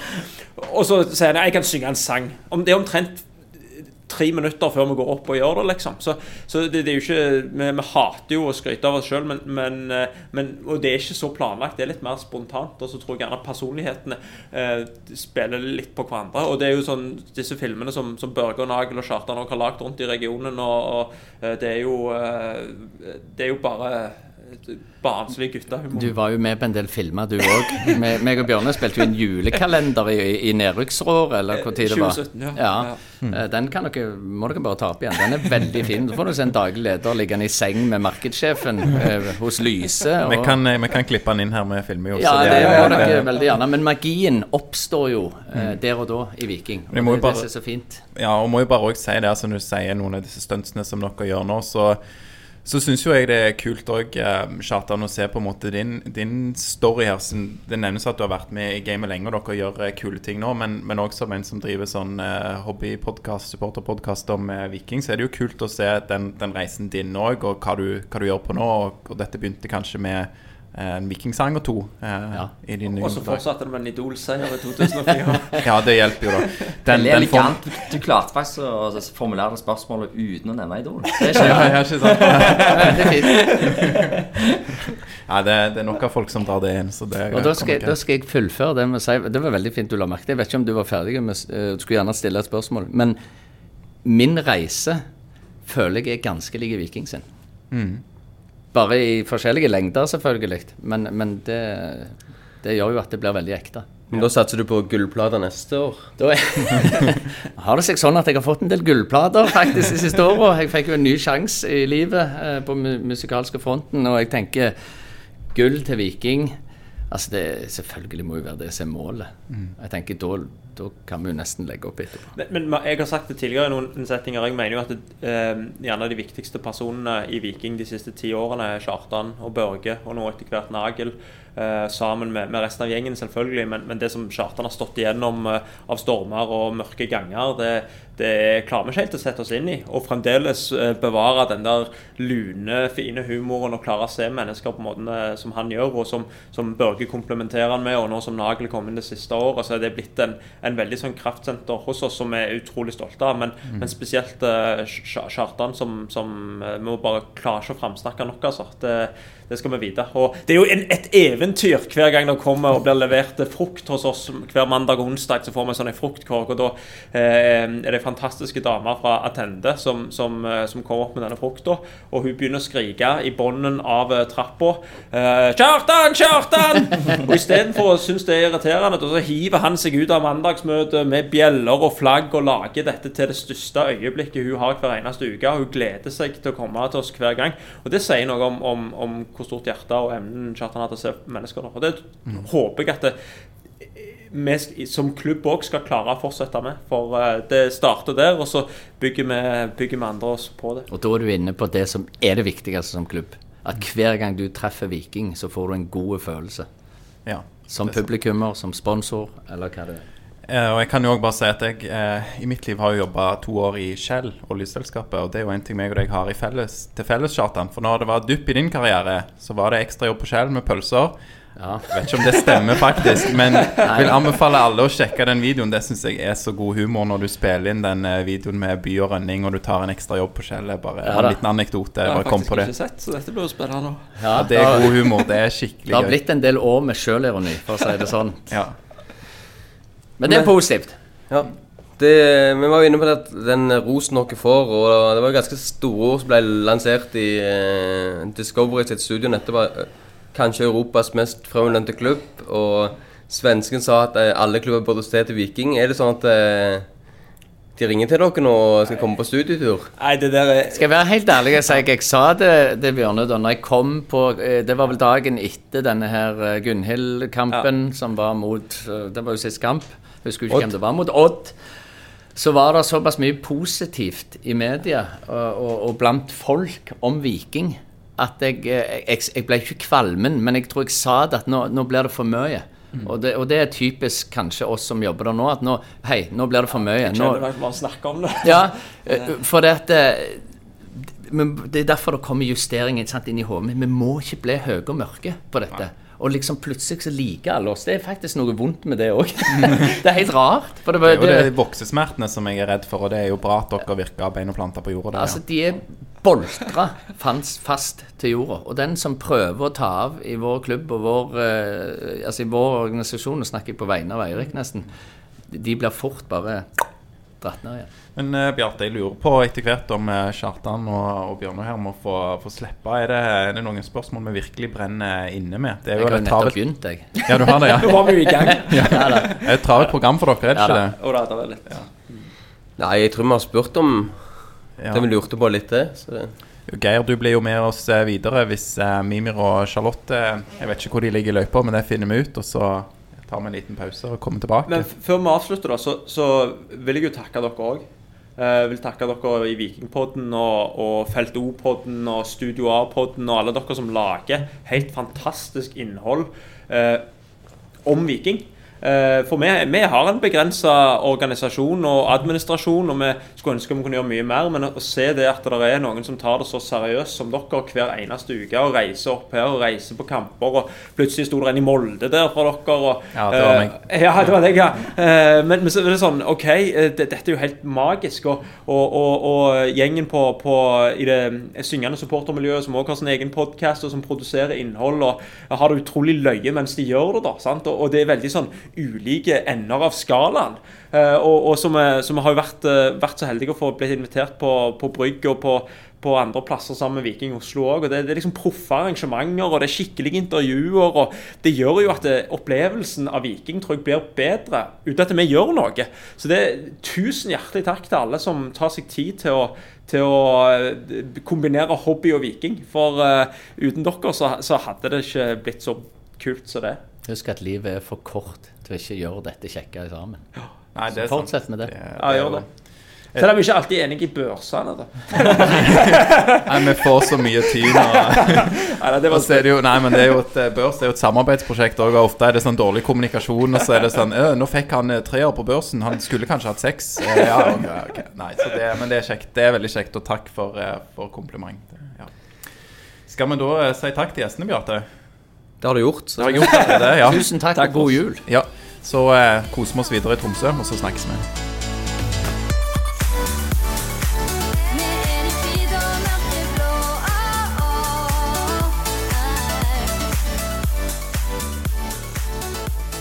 Nå i studio har vi fått med oss eh, noen representanter fra eh, Viking Oslo. Eh, for noen år siden ble de omtalt som en, mektige, en gjeng mektige utvandrere og representanter for en middelklasse som hadde invadert norsk fotball. Men nå er det som kjent vanlige folk sin tur, så derfor har vi invitert Charlotte Mæland, Geir Søndeland og Mimir Kristiansson. Og vi er vanlige folk. Vil du ikke si det? Nei, jeg bare tuller.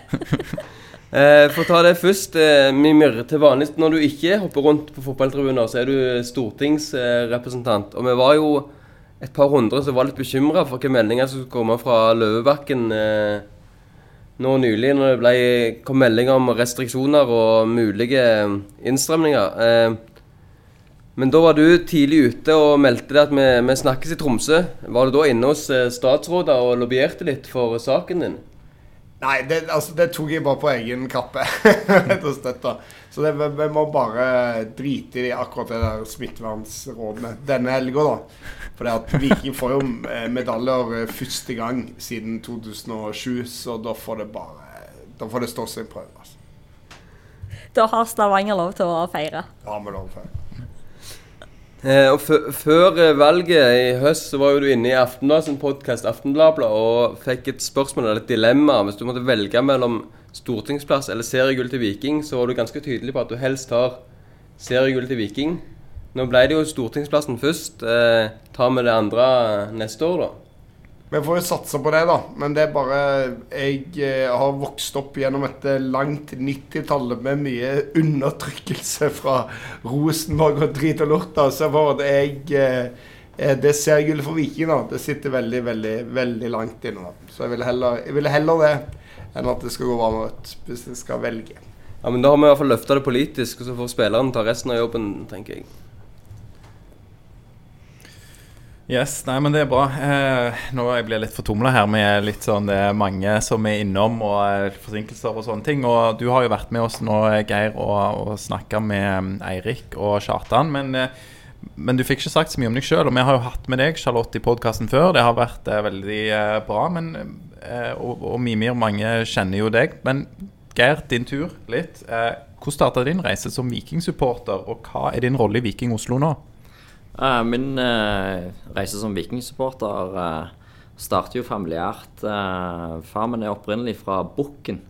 Eh, min onkel eh, på Bukken, altså det der som Rogfast på en måte ender opp da når, den, eh, når det er klart, eh, han tok ferja, eller eh, Vestamaran, hurtigbåten, inn til hver eneste vikingkamp. eh, eh, så det her stikker ganske dypt i, i, i min eh, familie. Så jeg har blitt uh, løfta over eh, telleverket på, eh, inn på gamle uh, Store stå. Eh, så det har alltid vært eh, Viking for meg. Og så flytta jeg i, i 2014 uh, pga. jobb eh, til Oslo. Eh, og så ble jeg invitert med på et forspill i, til serieåpningen i, i, i 2015 med, med, hos Mimir, faktisk.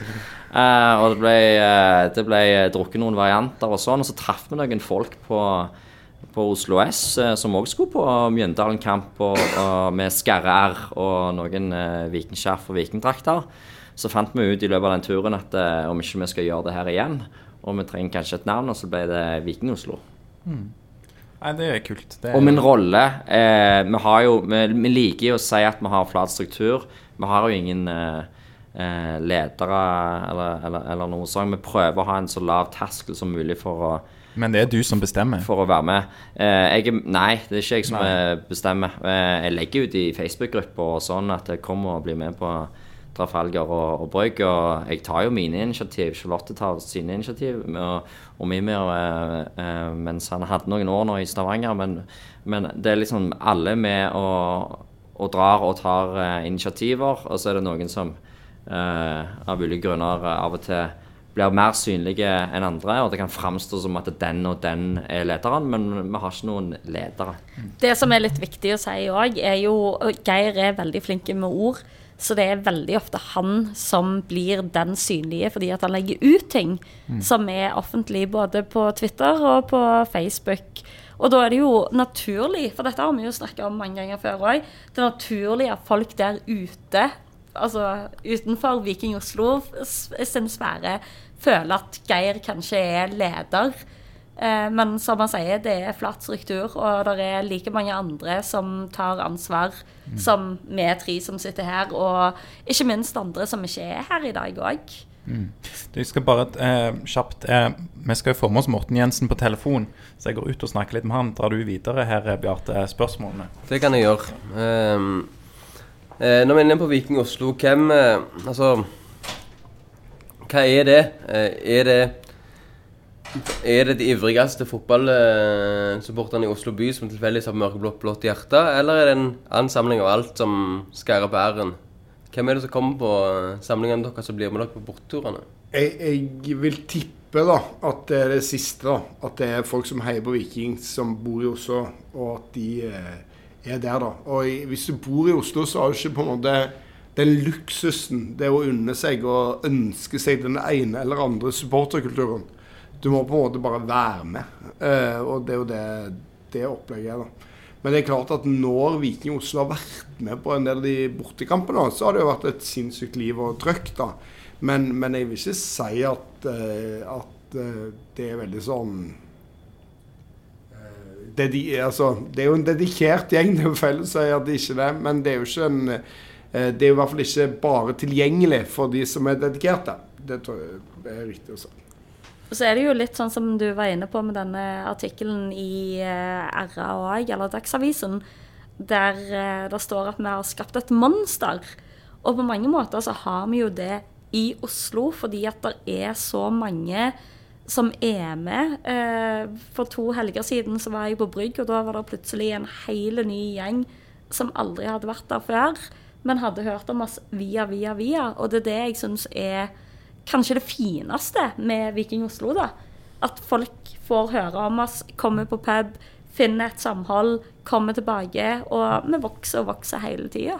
Så vil bare legge til at vi vet jo egentlig ikke hvem som eh, hvor mange vi er i Viking Oslo. For det finnes jo ikke noe medlemsregister eller innmeldingsavgifter eller, eller noen ting. Det er jo bare å møte opp på pub og på kamp, så er du med. Så det er litt opp til folk sjøl i Oslo om de identifiserer seg som eh, Viking Oslo. Så når vi fyller eh, hele Når vi selger ut eh, Eller når Vålerenga selger ut bortesvingen når, når Viking er på Intility eh, Arena, eh, så liker jo vi å si at det, er det Viking Oslo som har fulgt opp den uh, bortesvingen.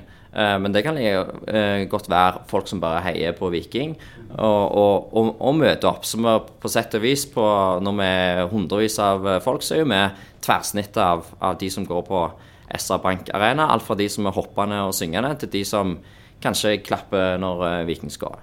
Og så er det jo veldig viktig å legge til at Eidsvoll-damene er jo alltid med. Og om de assosierer seg sjøl med Viking Oslo eller ikke, skal ikke jeg si noen ting om. Men eh, det er som Geir sier, det er de. Det er folk fra Stavanger, det er folk fra andre plasser eh, utenfor Stavanger som er med og fyller det bortefeltet. Viking Oslo er en stor del av det. Vi er mange vikingsupportere som bor i Oslo. Men til syvende og sist så er det hele gjengen som bare brenner for Viking, som er der. Eh, hvor mange er det fra har du, Dere har ikke noen medlemslister, det er sikkert ikke noen re reiselister heller, men hvor mange tror du det er som kommer fra Østlandet på denne turen her? Uh, vi er jeg, jeg har jo logga dette her så godt som uh, mulig. Uh, jeg kom til 45, men etter jeg kom til Tromsø, så har jeg sett en del nye. da Så jeg vil si at vi, vi er i hvert fall 50. Eh, så, det, så det er jo ganske bra. Men all ære til Tommy Nærland og det han har klart å snakke om monster, men uh, han har klart å, å gjøre noe helt unikt uh, denne helga her i Tromsø.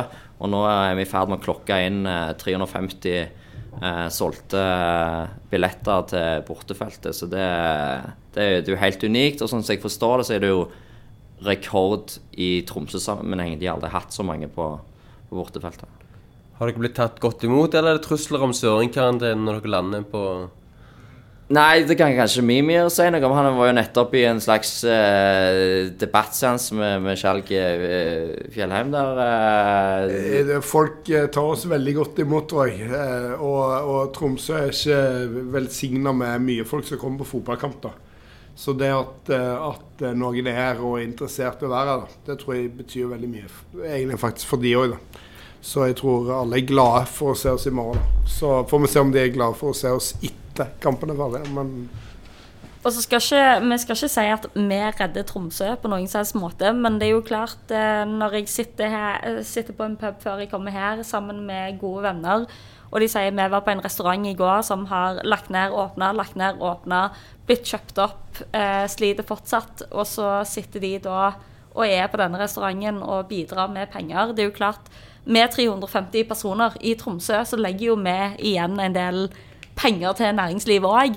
Så hvis de skal begynne å komme med noe sånn 'Å, dere søringer', så tar vi med oss pengene og reiser tilbake igjen til Stavanger. Ja, og så må vi bare legge til altså, det, altså, Vi er tatt godt imot, eh, og vi det. kommer til å bli tatt godt imot resten av helga. Ta ett eksempel. Eh, det er jo booka ut, eh, uteplasser for Vikingfansen denne helga. Et av de utestedene åpner utelukkende for at Vikingfansen kan ha et sted eh, å være. Og jeg tror de kommer til å stenge igjen eh, etterpå. Så det her har de virkelig stått eh, på for å ta imot Vikingfansen på en eh, veldig god måte.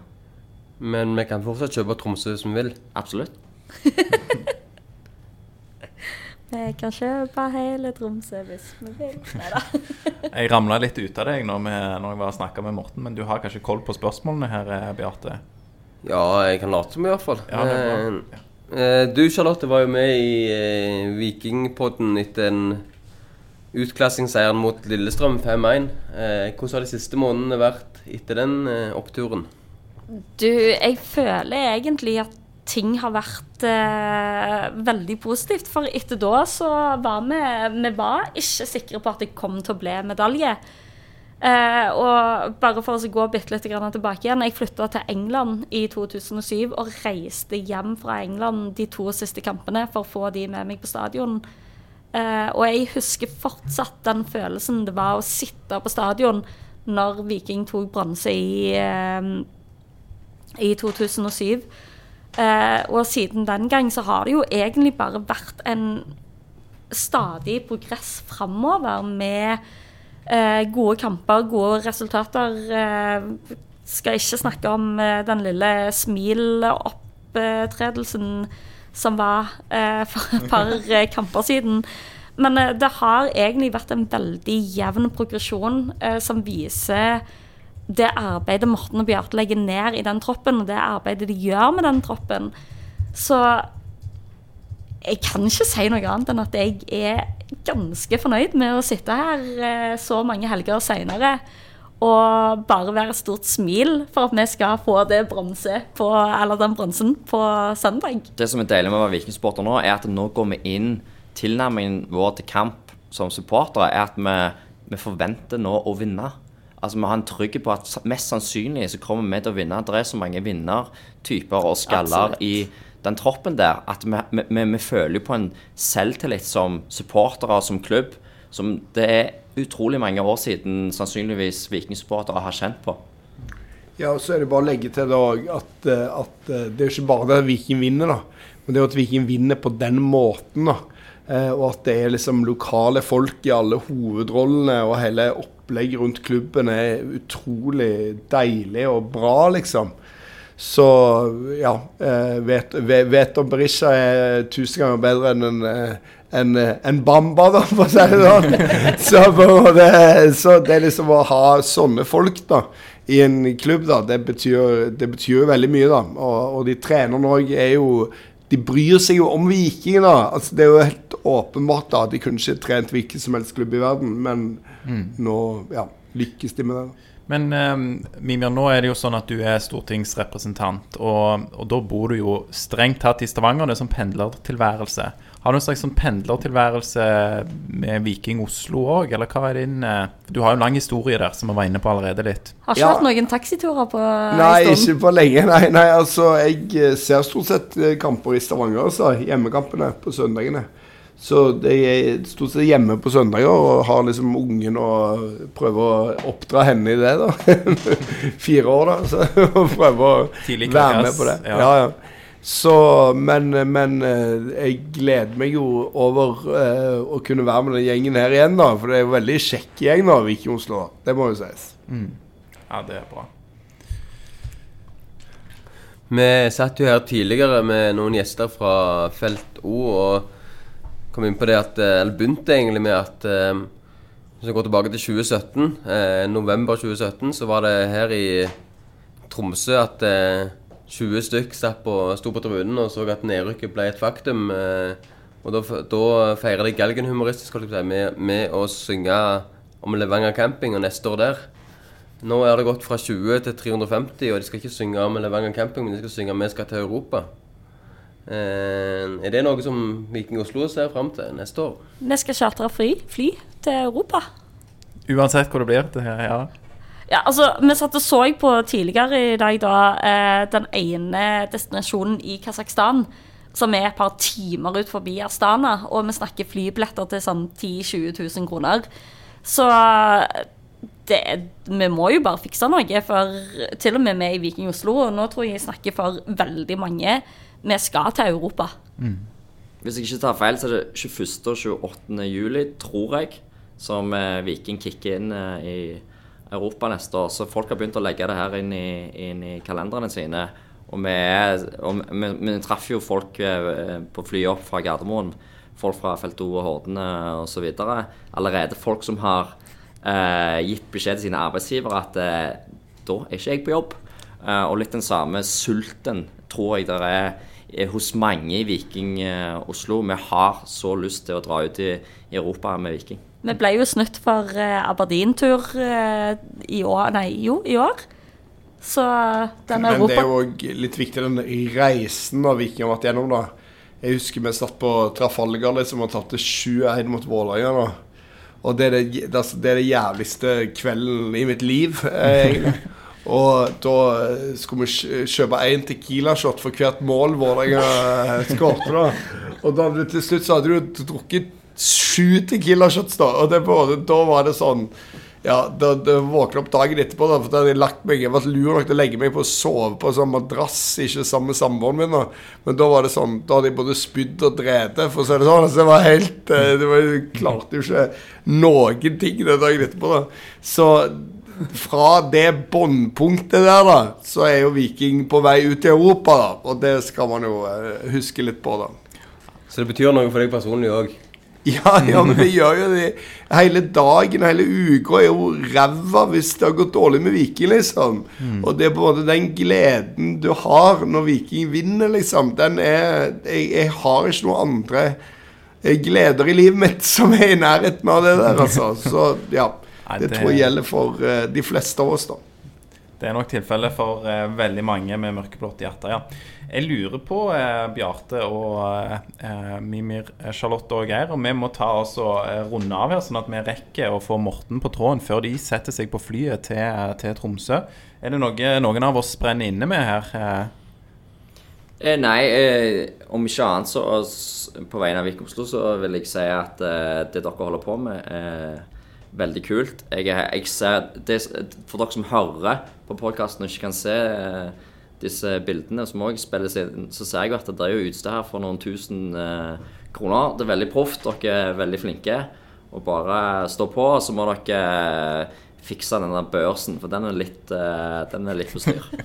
vi får uh, få litt hjelp. Det er jo samarbeidsprosjekt, så kanskje, kanskje vi leier inn deg, Geir, til å hjelpe oss sette den en gang. Hvis, du, hvis det blir litt dyrt med flybilletter til Kasakhstan, så kan dere bare selge litt utstyr, så Ja, det, det er sant. Men Mye av dette er gamle greier, men det funker bra, det. Og noe er jo selvfølgelig nytt. Og litt mye å dra på. Og mye bruker mye tid på det. Men eh, ja, nei, det er kjekt. Tusen takk for, eh, for fine ord, og tusen takk for at dere stilte. Så får vi alle kose oss eh, sammen og glede oss til kampen i morgen. Tusen takk. Tusen takk.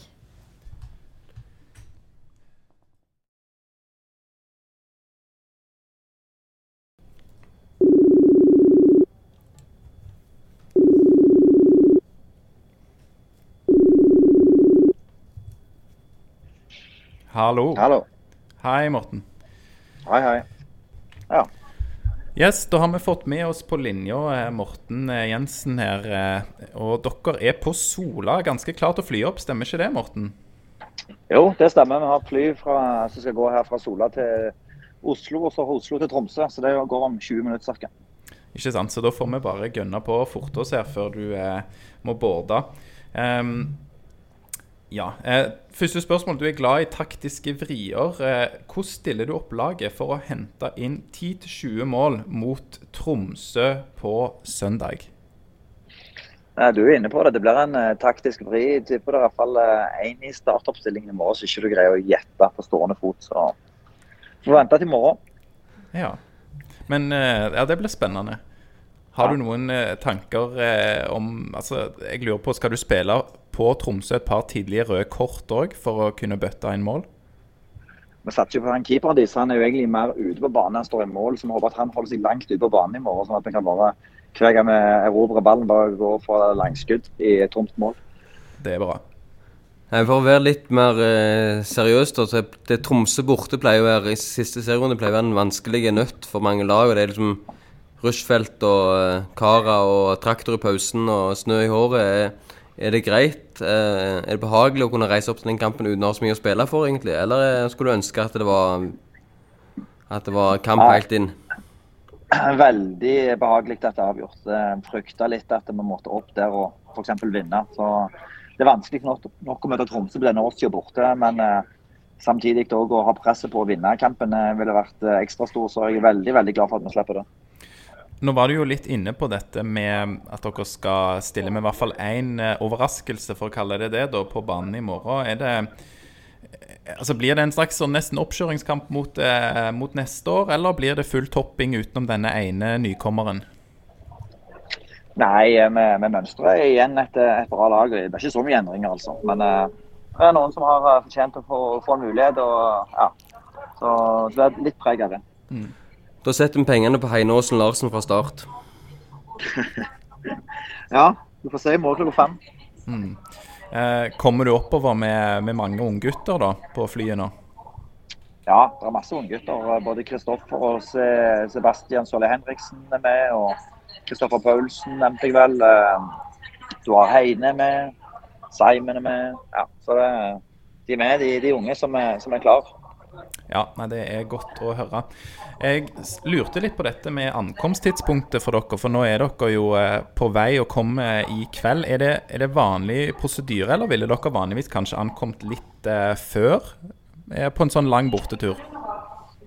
Eh, nei, det er vanlig prosedyre, dette. Så eh, vi kunne jo tatt det syvflyet, men da får de dårlig med søvn inn til, til dagen i dag. Da. Så man prioriterte at de fikk sove ut skikkelig i dag. Og så, ja, så vi skal egentlig lande etter planen klokka åtte i Tromsø, men eh, vi flyr med videre. Så da tipper jeg at vi er i hvert fall minimum to timer forsinket. Det får vi håpe dere unngår, ja. Ja. Dere har jo vært eh, ganske tidlig ute med en del forlengelser og signeringer. At at Vikstøl og Aukland har fått ny kontrakt. Karlsberg kom inn. Det er snakk om forhandlinger med Gunnarsson. Er det et forsøk på å skaffe deg litt tidlig juleferie, eller hvor, hvordan ligger dere an med planlegging av neste sesong, egentlig? Ja, Det er et godt spørsmål. Det er jo sånn som foregår egentlig i 24-7. og sånn Aukland har vi egentlig prøvd å forlenge meg ganske lenge nå, men han vil egentlig bare vente sjøl til etter Årstane. Så det var naturlig. og Det samme ville Daniel Karlsbakk, som var interessert i å vente til etter sesongen. så eh, Det er jo flere spillere som er på utgående kontrakt til neste år. så Det blir den prosessen vil begynne på, på nyåret igjen og fram mot sommeren med å forlenge med noen som skal være med videre. og Eventuelt selge unna noen som ikke skal. Apropos det med neste sesong og planlegging, eller snarere mangel på planlegging. Det er mye snakk om trenersituasjonen i Rosenborg for tida, og vi vet jo hva som pleier å skje når eh, vikinggutta gjør det bra. Så jeg lurer på, har du hatt eh, Ivar Koteng på telefonen i det siste? Nei, heldigvis så, så har vi ikke det. Vi, Bjarte syns jo Viking er den største klubben i Norge. og Det ville jo vært et skritt eh, nedover å, å gå til Rosenborg for vår del. Det er godt noen sier det som det er. Det er godt, da er det Betty Morten. De trener Viking og ikke RBK i 2022. Um, men nå forsvinner jo Iven Austbø ut, og eh, vi vet jo at det blir en liten sånn eh, keeperkabal å løse. Trym Ur er vel òg ferdig, etter hva vi forstår.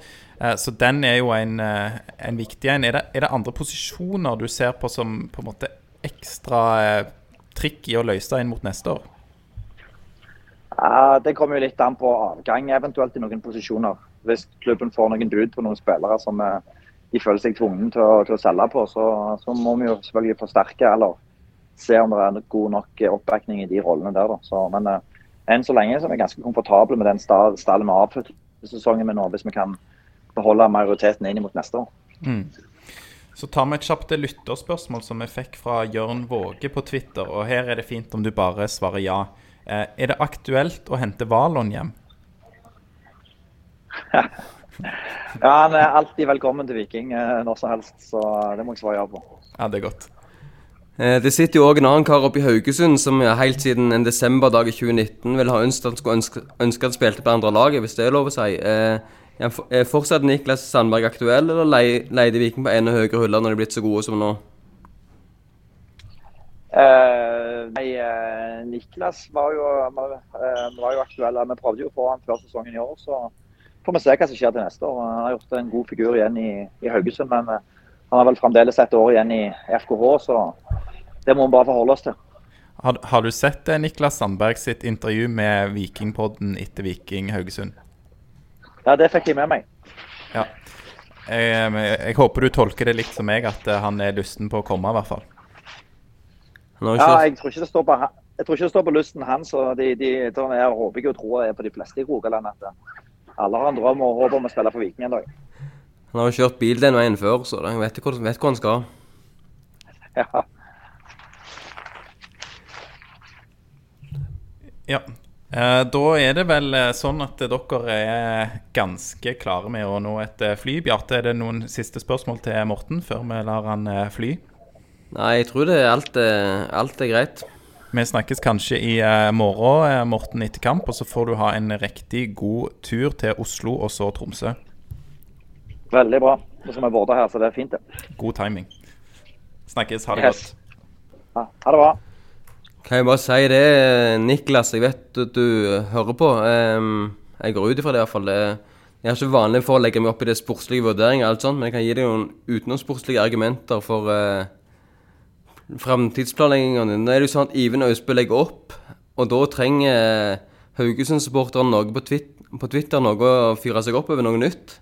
Jeg tenker at eh, en Sandberg i mørkeblått kunne vært en verdifullt bidrag til å normalisere hverdagen igjen der oppe på Haugalandet. Og Viking er jo en klubb som har et bredt samfunnsengasjement for hele regionen, inkludert de eh, mer frafalne vikingsupporterne som er oppe i Haugesund.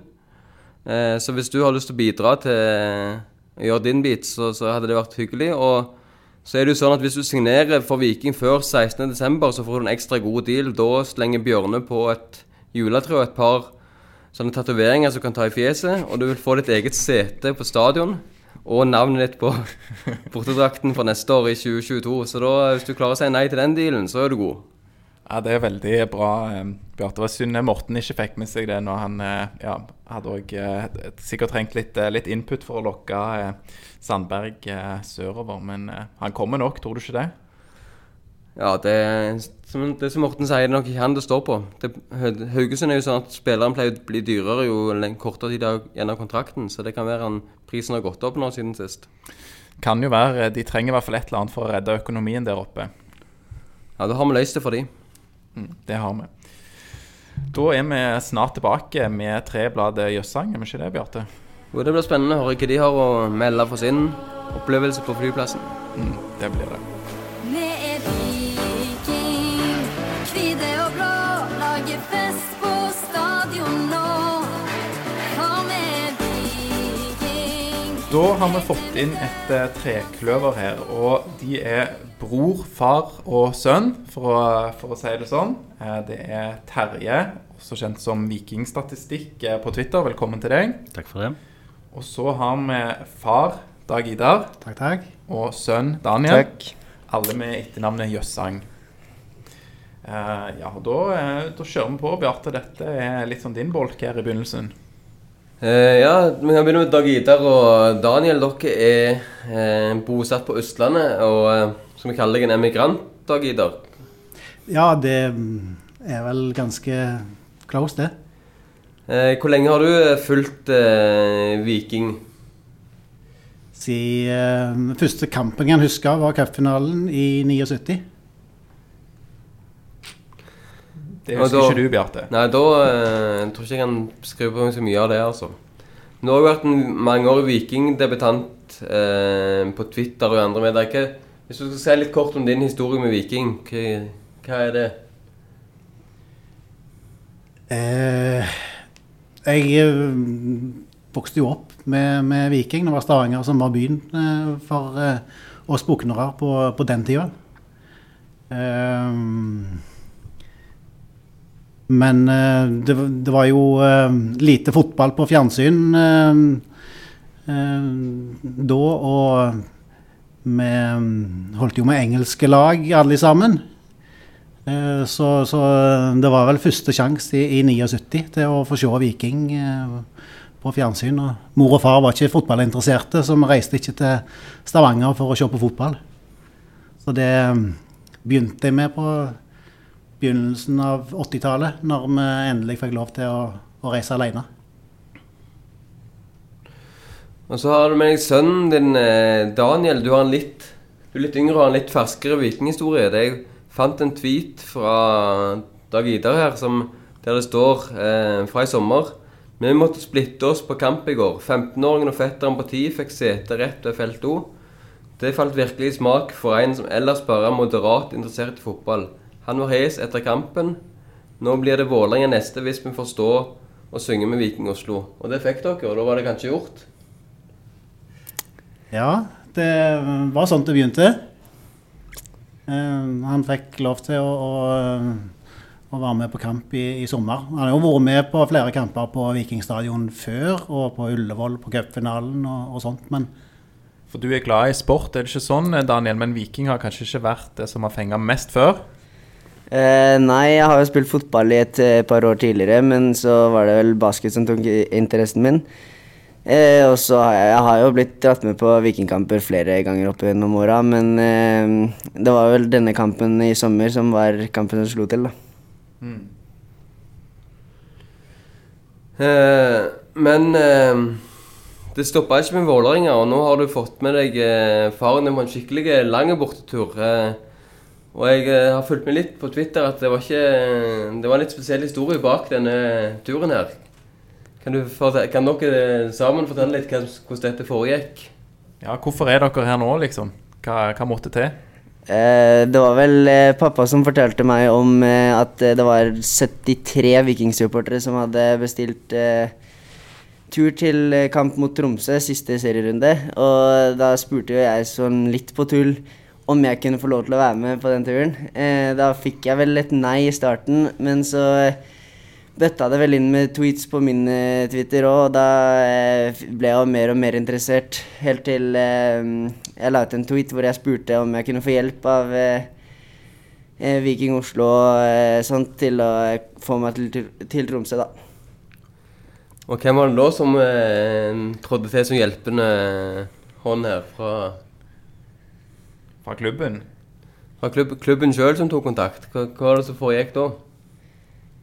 Ja, det var en um, tweet fra, fra Viking fotball om at uh, de skulle hjelpe til å ringe både lærere og kjærester og, og litt av hvert uh, hvis Daniel bare fikk lov til å være med på tur. Og det, det gjorde de jo. Ja, det, det, er bra. Hvem var det som måtte overtales eh, mest Og lærere? Var det mor inne i bildet òg som var litt sånn Ja, jeg svarte jo at uh, hvis uh, hvis dere ringer mor, så skal vi få det til. Mm. Og da eh, svarte jo Erik Bjørnø at eh, han skulle ringe til mor seinere på kvelden. Og det gjorde han. Ja, det er bra. Det her trør man til for å eh, mobilisere alle som er glad i Viking. Det er godt. Husker du noe av den samtalen? Hva var det som skulle til for å sette spikeren i reiseplanene? ja, jeg har jo hjemmekontor og satt med PC-en eh, når jeg hørte at det ringte. Og um, forsto jo med en gang at uh, det var Bjørnø som, som uh, slo på tråden. Og, og, det var mye latter og uh, sånt, for hun visste jo om den engasjementet hans på, på Twitter. men hun hadde jo ikke hørt noen ting om at han hadde mobilisert klubben for å overtale.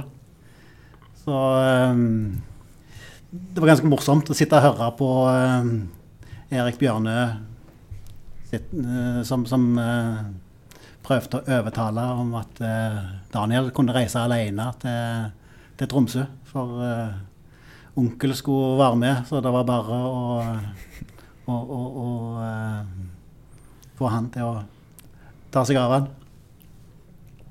Men jeg forstår at selv om du har fulgt Viking i ganske mange år etter hvert, så er dette din første den skikkelige bortetur-tur. Stemmer dette? Det er min uh, første, ja. Jeg har jo vært med på uh, og sett mange kamper mens jeg har bodd på, på, Østlandet. Uh, og når jeg studerte i Bergen, så, så, så vi jo kampene mot Brann. Men Jeg har aldri vært med på en sånn supportertur. Men da valgte du altså Tromsø, som er som sagt er den korteste og billigste og varmeste turen av alle. Det passet helt strålende. Satser på å få se nordlyset. Eh, Jeg kan jo bare snakke på vegne av meg sjøl og tror mange andre supportere òg at det er fort gjort å bli hekta på den type reisevirksomhet. Og det kan bli en ganske dyr eh, far-sønn-hobby, det her. etter hvert. Ja, spesielt nå når eh, tolvåringen som ikke finnes interessert i fotball, Jeg har ymta frampå at eh, han òg har lyst til å være med på kamp. Jeg tror det er ganske mange foreldre der ute som er villige til å betale for at ungen skal bli interessert i fotball. Så hvis du får det på den måten, så er mye gjort. Ja, jeg er veldig fornøyd med at eh, han i en alder av eh, 15 plutselig uh, oppdaget at det var kjekt å reise på fotballkamp. Det er bra. Um, vi fotballsupportere vet jo at det kan være mye mer skuffelser enn eh, triumfer og oppturer da, når man eh, følger et lag. Eh, føles det da litt eh, urettferdig, Dag Idar, i hermetegn kanskje, at, at du har lidd deg gjennom tre tiår med en del middelmådighet, eh, og så kommer junior Daniel inn her til opprykk og cupfinale og medalje. Eh, det, føles det litt, litt urettferdig? Nei, nå var han med på cupfinalen i, i 19 og fikk seier der mot et Haugesundslag, eh, mens jeg så min første kamp mot Haugar i 79 og vant cupfinalen da. Så det er ganske parallelt, så det, Det føles slags- veldig bra, det. Ja, det er bra. Det er kanskje en sånn eh, liten familietradisjon blitt. Så hvis dere eh, fortsetter å rekruttere nye familiemedlemmer til å bli glad i Viking, så fortsetter den sportslige suksessen òg. Ja, det Stakkars Haugesund. Vi må jo ta en eh, bror og onkel her eh, på min side. I eh, oktober 2019, tror jeg det var, Terje, så registrerte du eh, Twitter-kontoen Vikingstats, eller Vikingstatistikk. Eh, hvordan begynte dette? Kjeda du på jobb den dagen, eller? eh? Nei, det var vel ikke akkurat sånn, men jeg, eh, jeg Historien er litt lenger. Jeg har sikkert hatt eh, deler av den statistikken på plass i eh, 10-15 år på forskjellige eh, ja, løsninger. Um, men eh, det slo meg plutselig at eh, Twitter var en eh, god eh, plass å videreformidle noe av dette her. Eh, for jeg eh, har òg ei eh, fortid som eh, fan av engelsk fotball, og der var eh, veldig inngående statistikker på rekorder for eh, lag med antall uh, seire på rad, tap på rad og diverse, mens det var ingenting å finne om Viking. Uh, så jeg har uh, samla sammen uh, resultater på, fra diverse sider og, og lagd noe skript for å telle antall seire på rad videre. Så det, det var vel heller det at uh, det gikk et lite lys opp for meg der med formidlingsplattform. Jeg la merke til at du sneik inn at det en fortid som eh, tilhenger av engelsk fotball. Har det blitt tunge tider i, etter at pengene kom inn? Ja, jeg fikk meg vel en liten knekk med disse her superliga-greiene. Og at Liverpool da fikk eh, Endelig fikk det der eh, seriegullet som jeg har venta så lenge på. Og kanskje kombinasjon med med koronatider og alt. Og så har dette vikinggreiene begynt å ta veldig mye tid. Så jeg har ikke kapasitet til mer. Nå er det jo sånn at du har eh, lagd Vikingstats eh, i den 10-15 år, var det det du sa? Men du har kanskje fulgt Viking enda lenger. Hva um, Var det med, med, med brormann på cupfinalen i 79, eller er det noe sånn annet definerende øyeblikk for deg som Ja, nå, nå var ikke han på den cupfinalen i 79, men det var nok på fjernsynet han så han. Ja, ja, stemmer det, ja. Uh, Nei, første vikingminnet mitt er vel uh, da cupfinalen i 84. Eh, men jeg, eh, jeg ble senere interessert i fotball. Eh, jeg var på cupfinalen i 89. Mm, Det var vel begge? Jeg, eh, nei, bare den første. Mm. Da gikk jeg første klasse på videregående, og da var budsjettet oppbrukt. Ja. Um, For- Ja, altså, det, men det, det gikk allikevel det, det begynte litt da, så ble det noen få kamper uh, da i 90. Men i 91, da tror jeg det ble omtrent samtlige kamper. Ja, det var jo en god Ja, sesong det var med seriegull. veldig god timing, ja. Ja. Skulle bare visst at det At det var, Det var det siste gang foreløpig. Kan jo bare si det til de lytterne som er litt yngre, at um, Viking vant mot Molde i 89, og da var det jo omkamp i, uh, i cupen. Det er ikke sikkert alle vet det. Uh, så det ble spilt to cupfinaler, og Viking vant over to kamper. Um, ja. Hva, hva er din favorittstatistikk å jobbe med? Det er jo en rekke forskjellige ting som kommer fra din eh, Twitter-konto. Den må vi for øvrig anbefale, anbefale folk å sjekke ut Vikingstats, eh, Vikingstatistikk på, på Twitter. er veldig vanskelig å si hva som er favoritten, for det, det kommer an på hva, så, hva de leverer best på akkurat i øyeblikket. Jeg har jo en sånn favoritt-fun fact eh, som er litt sånn obskur. Eh, eh, Viking hadde en, eh, en eh, formann i mange år eh, som heter eh, Finn Brodal. eh, født i 1908. Debuterte for Viking i 1924. Eh, når han var 40 år gammel, så fikk han en sønn som het eh, Finn Rein Brodal. Så senere skulle bli oppmann i mange år. Eh, han debuterte på Viking. Han fikk én, jeg tror han fikk én treningskamp som 30-åring. Så da debuterte han altså 54 år etter faren. Den syns jeg er litt fin. Hmm.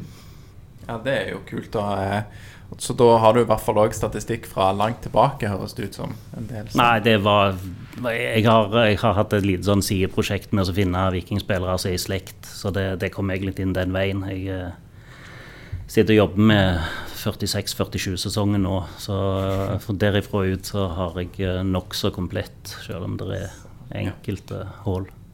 Hva, hva føler du blir best mottatt av det du eh, produserer da? Er det noen sånne kategorier som folk liker? Bedre enn andre ting? Mm. Det varierer òg med Altså klubbrekorder vil alltid bli tatt godt imot. Mm. Um, Litt sånn toppskårer i år, er det det? Ja, da vet han står høyt i kurs i år med sju ganger to målskårere på én sesong. Det, eller vel faktisk åtte, da han hadde vel én i cupen òg. Det er jo en sånn all time high. Eh, og han ligger jo nå òg an til å bli den mest effektive spissen i uh, Ja, nest Nå roter jeg litt.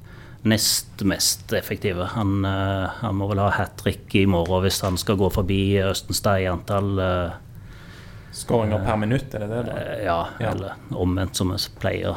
Da, minutter Ja, minutt per skåret mål. ja. Mm. Ja. Bestillingen levert? Men han ja. Altså han, nå, nå ligger han omtrent uh, nøyaktig likt med, med Dadason. Mm. Så han må ha ett mål til for å plassere seg over han. Skjønner. Um, en ting som jeg har lurt litt på, det er jo noe som har kommet eh, inn i fotballen de siste årene, er jo dette eh, snakket om expected goals. Det er sikkert noe som de fleste av lytterne har et forhold til, men det er jo at rett og slett at man, man regner litt på ut ifra posisjon og posisjon på motspillere. Eh, når man løsner et skudd, hvor sannsynlig er det at eh, dette går i Mm. mål? Og så er det jo en del andre òg, som der expected, altså forventa. Det kan jo være eh, ja, mål imot og forventa antall Jeg vet ikke, du kan kanskje mer om det enn meg, men er, men er du fan av denne typen statistikk, eller er det litt mer den old school? Jeg eh, registrerer det, men eh, det er, altså, det, det er lite historikk på det. Det er nå én ting. Og, og det har heller ikke så mye for seg å se på enkeltkamper, men uh, trend over tid.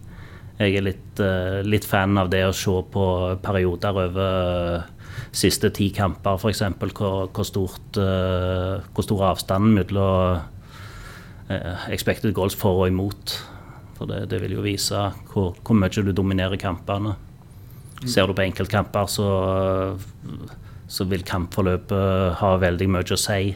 Får du to tidlige mål, så trygger du gjerne inn, og da vil der som oftest komme noen sjanser imot, så da kan det se ganske likt ut, eller til og med negativt ut på XG.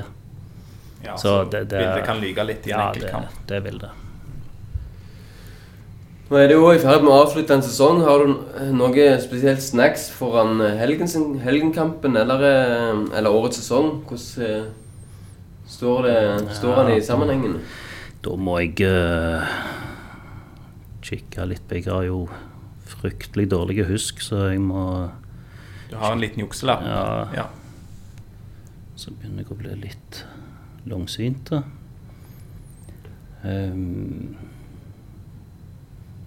Men det er en eh, Altså, de har eh, en eh, Jeg har kikket litt på poengsnitt siste halvdel av sesongen. Uh, fordi de hadde jo en uh, for så vidt en OK første halvdel sånn til slutt, men de fikk en litt dårlig start. Uh, så akkurat her og nå så har de da på de siste 15 kampene et poengsnitt på 2,14 poeng.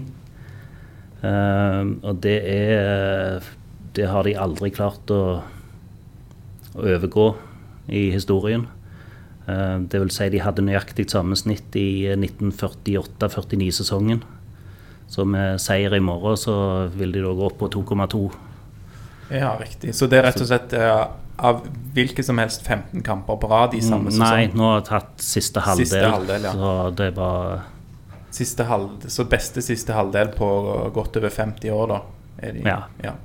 Ja, og før 48-49 regner vi egentlig ikke, for da spilte de sånn regional, regionale Ja, serier. Så, Så da kan det ha vært eh, Ja, da er det litt, litt andre typer motstandere og sånn, ja. Ja. Nei, men det er kult. Da får vi håpe på en, eh, en seier i morgen av den grunn òg, for å ta Mm. en, eh, nok en eh, rekord. Så ja. Kan jo si ehm, til folk som ikke er på Twitter, eller ikke er ofte på Twitter, at eh, de kan jo bruke Wikipedia for å finne vikingstatistikk. Eh, Ja. Det er rikholdig arkiv på Wikipedia etter hvert. Som du har lagt ut, eh, Terje? ja, det har jeg eh, vedlikeholdt sånn parallelt med at jeg har samla sammen data. Mm. Det, det lar seg gjøre altså, å finne digitale kilder sånn eh, et stykke tilbake i tid, men eh, når det kommer før det, så må du rett og slett kikke i uh, skanna aviser. Så Ja, jeg, er- jeg er relativt uh, godt kjent med Nasjonalbiblioteket sine avisarkiver etter hvert. Så da er det sikkert mange som har brukt eh, det du har eh, lagd uten å vite om det, på Wikipedia. Håper det. Ja. Og det hender vel òg at du får litt henvendelser fra både klubb og andre fotballfolk som eh, låner litt statistikk av deg, så slipper de gjøre researchen sjøl. Ja, jeg har hatt et par henvendelser fra trenerapparatet. Og jeg eh, fikk en eh, mail ifra Eller mail. Jeg fikk en direktemelding fra Morten Jensen eh, med noe statistikk som han ville bruke i ei, ei eh, et foredrag han skulle ha på den trenersamlinga. Som gikk på antall eh, poeng de hadde vunnet etter å ha ligget unna. Så nå er jeg oppe i 26 poeng mm. denne sesongen. Og for de som kjenner tabellen i år eh, godt, så ville det altså vært trygg plass denne sesongen. Ja. Mm. ja, det er sterkt. Nå begynner du å få en ganske populær konto. Du har passert 1000 følgere. Og vi vikingsupportere vet jo veldig godt hva som pleier å skje når vikinggutter gjør det bra. Så jeg lurer på har Rosenborg vært i kontakt med deg og prøvd å kape deg? Nei, jeg tror ikke jeg tror ikke vi har så mye å hente der. Men Nei, det, det er betryggende. Vi prøver å passe på gjestene våre i dag, at de ikke forsvinner til Trøndelag i løpet av vinteren. Så da har vi kontroll på deg òg. men den første fotballklubben til å følge meg, det var Frigg, bare så det er sagt. Ja, det er historisk sus over det òg. Ja da. Da, eh, hva, da er vi Hva skal jeg si? Vi på slutten av eh, den lange sendingen vår eh, for dagen. Men eh, hva, hva byr helga på utenom fotballkamp for dere, da? Hva er planene nå? Nå eh, er vi vel eh, Ja, nå er klokka snart halv fem, så da eh, bærer det til Heidis og håper vi får inn han eh, konfirmanten her. Det er bra. Jeg vet ikke, Var det noen aldersgrense der? Har dere hørt noe? Nei, det, ser det er Viking som bestemmer. Vi lurer Ja. sjøl. Ja, nei, det, dere, eh, dere ser jo litt sånn eh, tøffe og voksne ut, eh, dere to, Dag Idar og Terje. Så, men Daniel eh, på slep der, så går nok det fint. Jeg får ringe til Bjørne Ja, hvis jeg får dere har kontakter. Ja, det er bra. Nei, er det noe vi vil legge til da, Bjarte? Noe dere har på, på hjertet, Daniel, Terje, Dag Idar? Nei, vi håper jo på at det skal bli ei god helg, og at det- helga blir avslutta med tre poeng. Enig.